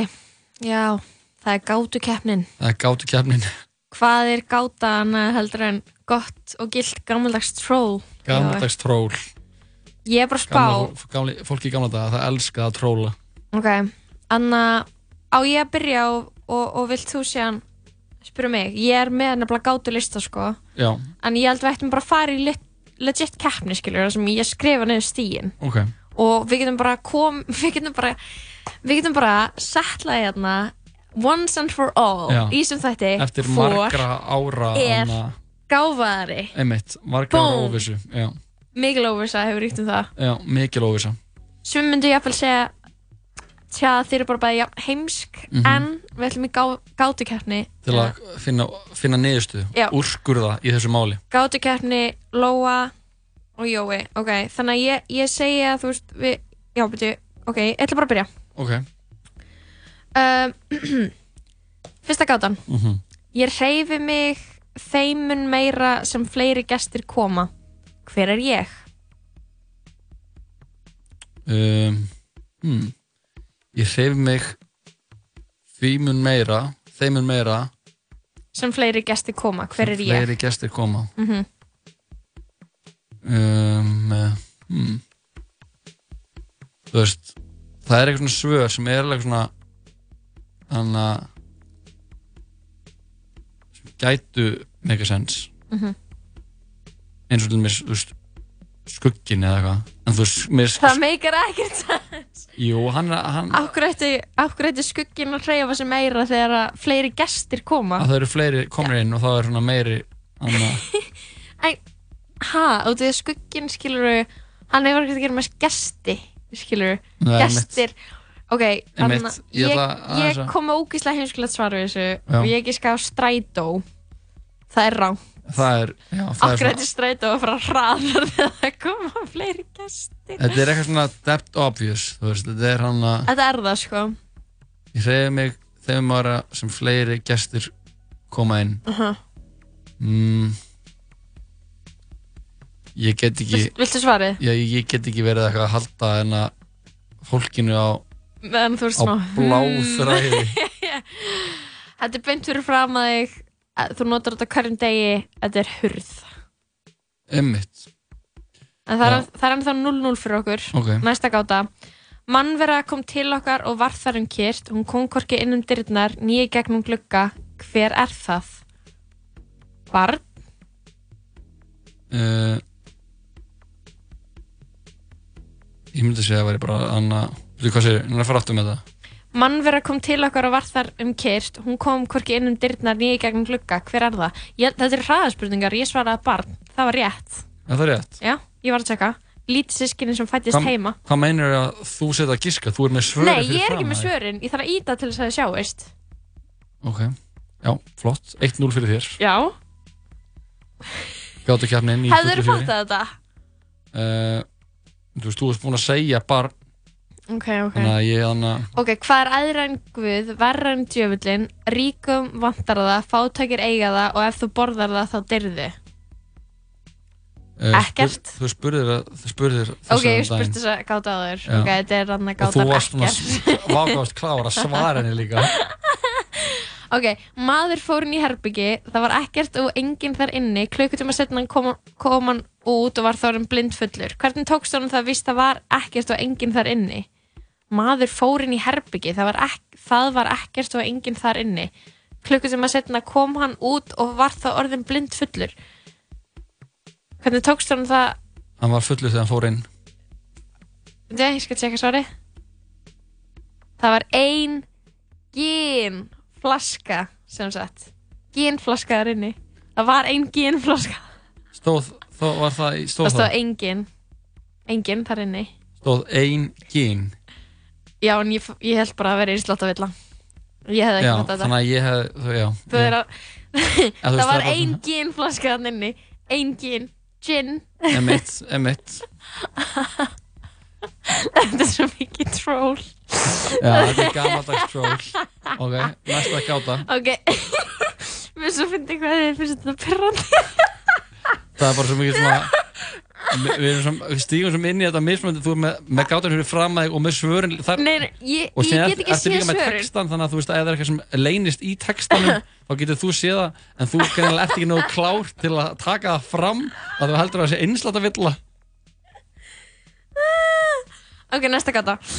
Þú stendur þú farið eiginlega mínustig fyrir að hafa sagt engin Jó, ég er að vinna það 1-0 já, og það, nú, það er 0-0 núna Nei. eftir að þú, jú, eftir að þú klúðraði þessu, engin. Ok, þú stendur fyrir utan lokaðar dyr. Það eru þrýr ljósrófar hliðin á dyrunum. Fyrir innan dyrnar er herbyggi. Aðeins einn rofi kveikir á ljósinu inn í herbygginu Þú ætti að finna út hvað rofi af þessum Af hverju er þetta svo ógísla langt Ég skilði ekki. Þú ætti að finna út hvað rofi af þessum þremur það er En þú mátt bara Þetta er í kaps, það er svona ég lesta svona Ít á einn í einu Og bara opna hurðina inn í herbyggi einu sinni til að gá. PS, það er engin leið að sjá hvort það sé kveikt á ljósinu án þess að opna hurðina. What? já, þá bara opnaði hurðina íta í takka einu að þú veist, er þetta ekki, er, er ekki bara svona dumb basic að Þú kveikir róf nr. 1, lætir hann vera í um það byrjum 2 mínútur, svo kveikir það róf nr. 2 og opnar hurðina á herbygginu. Ef ljósið er kveikt, þá er það rófið 2. Ef ljósið er slögt, þá aðtöðar þau hvort peran sé heit. Ef hún er heit, þá er það rófið 1. þetta er ömuleg gáta Þessi gáta er cancelled. ömuleg gáta Ok, næsta gáta. fokk þessi gáta Akkur þetta þetta að vera starffræði dæmi. já, bara þú veist, come on Hvers vegna, hvers vegna syngur svanurinn aður en hann deyr?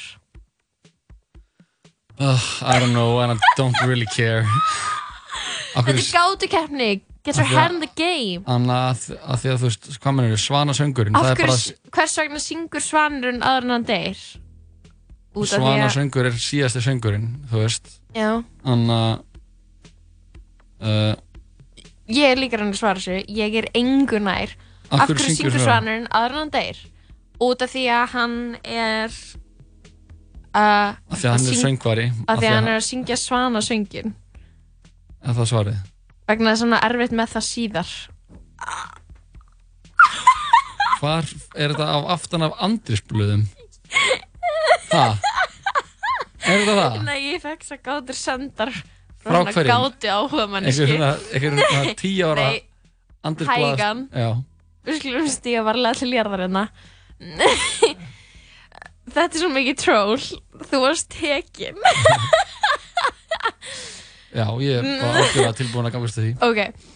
Sá sem býr mig til vill mig ekki Sá sem ber mig á mig ekki Sá sem kaupir mig nota mig ekki Sá sem á mig veit það ekki Hver er ég? Lóa.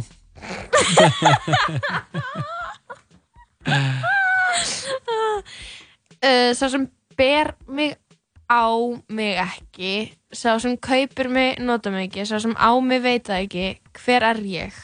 sem á mig veit að ég Uh, ég ætlaði fyrst að segja dagblað skilur þú, eitthvað ber út blaðið þú átt það ekki mhm en uh, hvað heldur þú?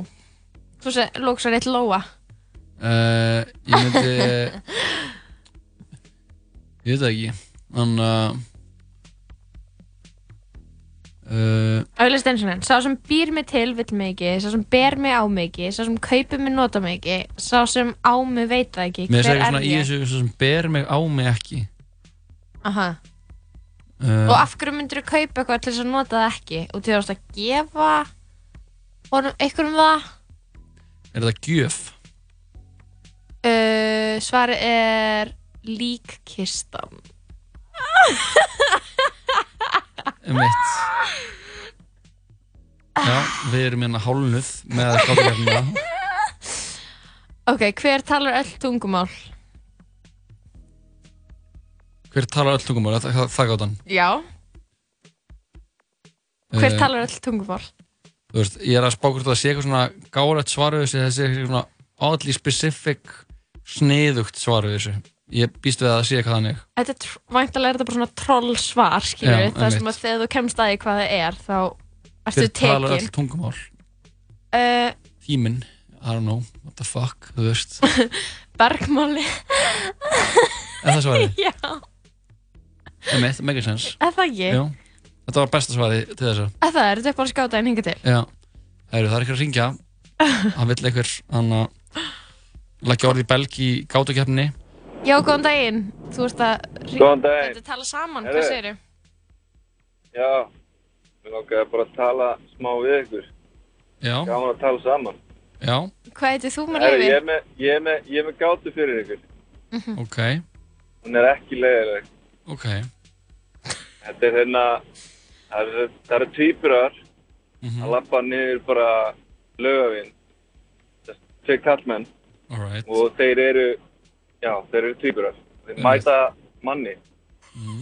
og maðurinn segir við annað þeirra, sæll frændi, en hann segir ekkert við hinn. Mhm. En hann segir eitthvað við hinn, en hann segir ekki sæll frændi, af því að hinn er ekki frænda, sko, hvernig má það vera? Út af því að þetta er stalpa á strákur Nei, Ó, nei maður. ó, trólið hann að ó, lofa tekin Hvað heldur Enga veginn, sko. Er þetta þá hann að, er, er eitt tvíburinn þá giftur hann að konu, nei, systur þessar manns? Ha, hvað minna? Nei, það var hann ekki frændan. Fólk segir Það er frænd ekki, fólk það hvort er þessi ekki gift. hann er, hann er alveg frændan. hann er alveg Þeir frendans eru tvíburar, þeir eru tvíburar og þeir eru sérst báði kallmenn og þeir eru bræður hvors annars, skilju. Þeir eru ekki eitthvað e, tvíburar sem eru ekki bræður hvors annars, eða fattu við. þeir eru bara alvörinu týpurar Þeir eru ein, einingja alveg tvíburar sem Mhm. er sömu fóröldar á allt, skilju við. En hinn, Og hinn segir, en maðurinn segir bara þess frendi við annað þeirra. Af því hinn er ekki frendast. Hvernig, hvernig getur það verið? Hva, má ég spyrja þig fyrst hvað þú heitir? Hannes. Hannes. Sko, ég veit ekki, ég, ég, ég held, veit ekki hvort að það geti verið. Hann, hann, hann geti verið frendi. þetta hlýtur að það er náttúrulega svar við þessu, Jói. Það er bara mjög basic svar af þessu, sko. Sæll. Þetta getur alveg verið. Sæll sæll frændi. Hann- Hann heilsar alveg hinnum, við, en hann segir ekki frændi, af því að hinn er ekki frændans. Hann segir bara blessaður félagi við hann eða eitthvað. Næ, þú veist, hann segir eitthvað. Þetta eru bæði kallmenn, eða ekki? Jú, þetta eru tveir bræður. Ég skil þetta ekki, þú... Það- ég held að- Ná, segðu okkur svarið. Ég get þetta ekki lengur. Hvað, hvað, hérna, hvað getur maður verið annað en frændi einhvers ef maður, er skildið? Uh, Uh, bróðir eða, Já, til dæmis, það er samt ekki svarið. eða pappi. Já, maður, hann er pappans. Hinn týpurinn er pappans. ha? Já, þetta er sonur hins. Já, er sonur týpurinn. Mm. Oh! Tekin. Við vorum fucking taken. Illa. Við vorum illa Ég taken. náði henni samt sem ég, sko. Nei, Ha? þú náður henni ekki. Náði henni meira en þú, lofa. Nei. Herra Hannes, takk fyrir að ringja. Ertu með nokkuð með, aðra gátu það? Aðra gátu? Já. Þetta er mig, ekki þetta skiti. Þetta er flott í byli. Takk fyrir að ringja. Gaman að heyri þér, spæjó. Æ. Gátur eru, hafa aldrei verið vinsætli. Ah, ok, það er komið gátu comeback. Ertu með eitthvað aðra gátu? Það er loka gátan, Jói. Já, úrslita gátan. Nei, það er ekki úrslita gátan og það er 1-0 fyrir mér, þannig að ég er að vinna. Þú fekkst ekki stig. Víst fekk ég stig, ég fekk stig fyrir bann sem kom ekki, inn- það kom ekki inn um hurðið að glugga, það fættist út um píkur. Nei, þú þá að dreyja af. Og þegar ég sagði engin, Já. ok, hvar gæti þú sest en ég alls ekki? Á rassina mér. Að, að þú veist, á rassina. Mhm. Í fangi á mér er rétt svar. Rassefang, þú veist yfir þetta, Jói. Þetta var Alright. frábært. Já, uh, þetta var gátu, Gátu keppni, tala saman. Og Svo skemmtilegt. Sérstakum gest, sérstakum gestur var Hannes, Hannes sem hringdi hringdi inn. með eiginlega bestu gátuna. Sem ég sko. Þannig að gátur eru svo skemmtilegar. Ég, nei, gátur Hvað eru er, hvað er svart og hvítt grátandi upp í tré? leiður sebrahestur. Nei, káringur sem var að tapa. Ó, þetta er svo fokkin ömulegt. Gátur eru svo mikið drast. Jú, gátur eru Þetta er bara eitthvað svona sem ég var alltaf að gera aðna, þegar ég var krakki, þá var alltaf að gera eitthvað svona gátur, hvað er svart og hvítt og svo eitthvað asnalegt þá var það bara káringur að gera það, skilur Emmitt, það er ótrúlega sniðut. Jói, þú ert svo neikvæður. Fá mér eitt lag áður við sláðum botnina þátt. Þetta er Flóni og Byrnir. Er rétt að byrja.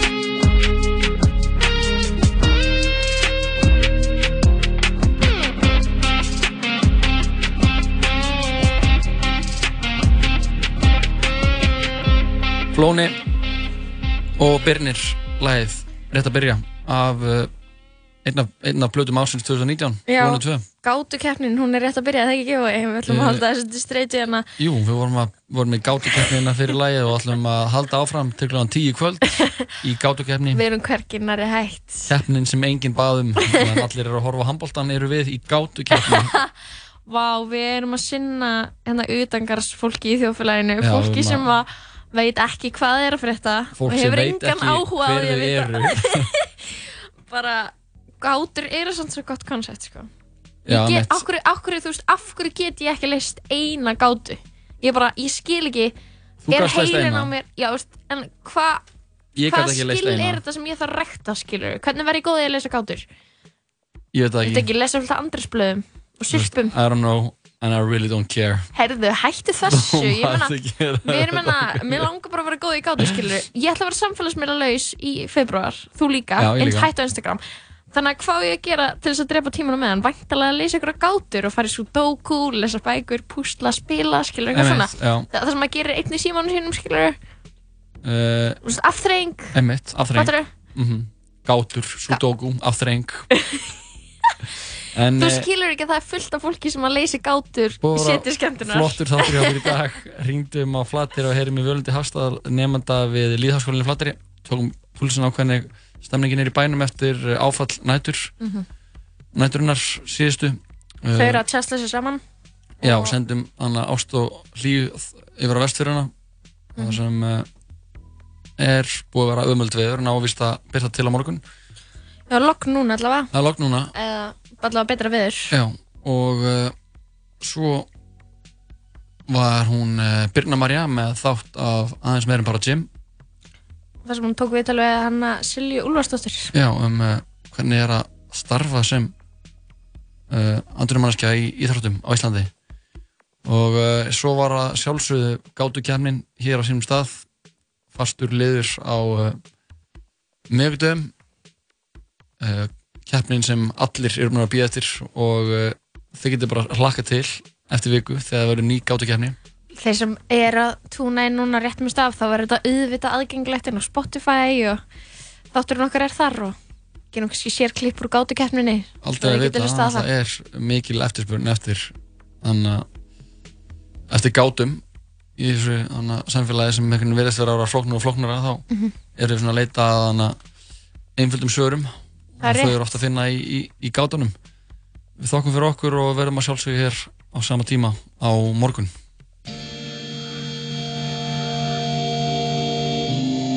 Ooh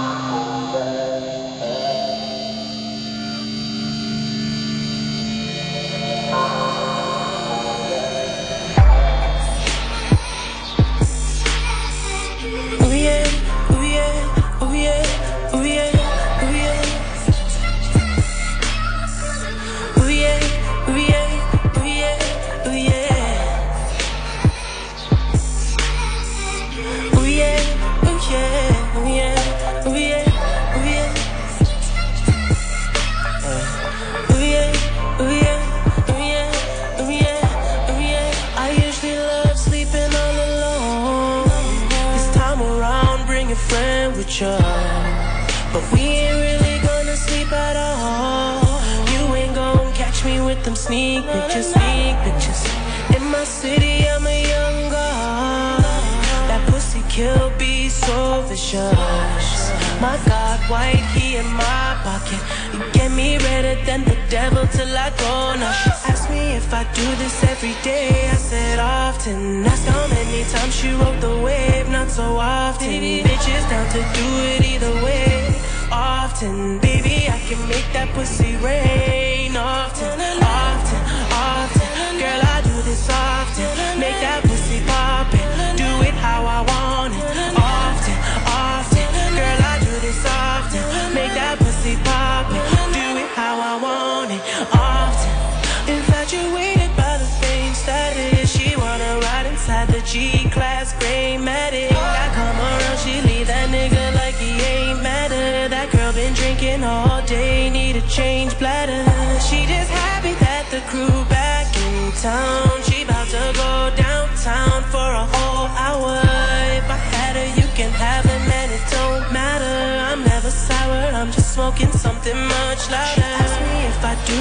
every day. I said often. Asked how many times she rode the wave, not so often. Bitches down to do it either way. Often, baby, I can make that pussy rain.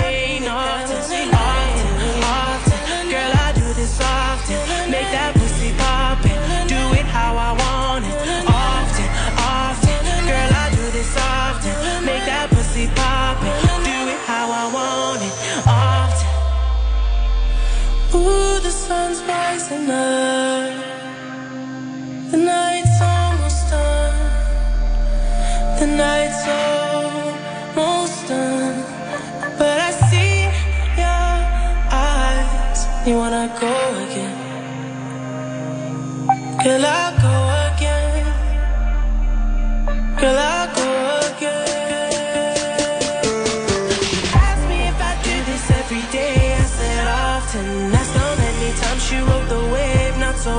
often. Bitches down to do it either way.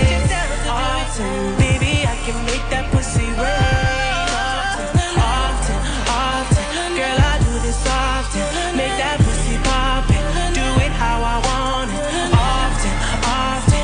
Girl, I do this often. Make that pussy pop it. Do it how I want it. Often. Þú getur hlusta á alla þættina af Tala Saman á Spotify. Sapnaðu gigabætum á milli mánuða. Sambandið. Símafélag framtíðarinnar. Hefur ekki tíma pælt í að brunch er bara breakfast og lunch blanda saman? Brunch, allar helgar frá förstu degi til sunnudags. Skál, hlemur matöll. Tala Saman. Alla virka daga millir fjögur og sex. Í bóði Dominos og Smárabíó.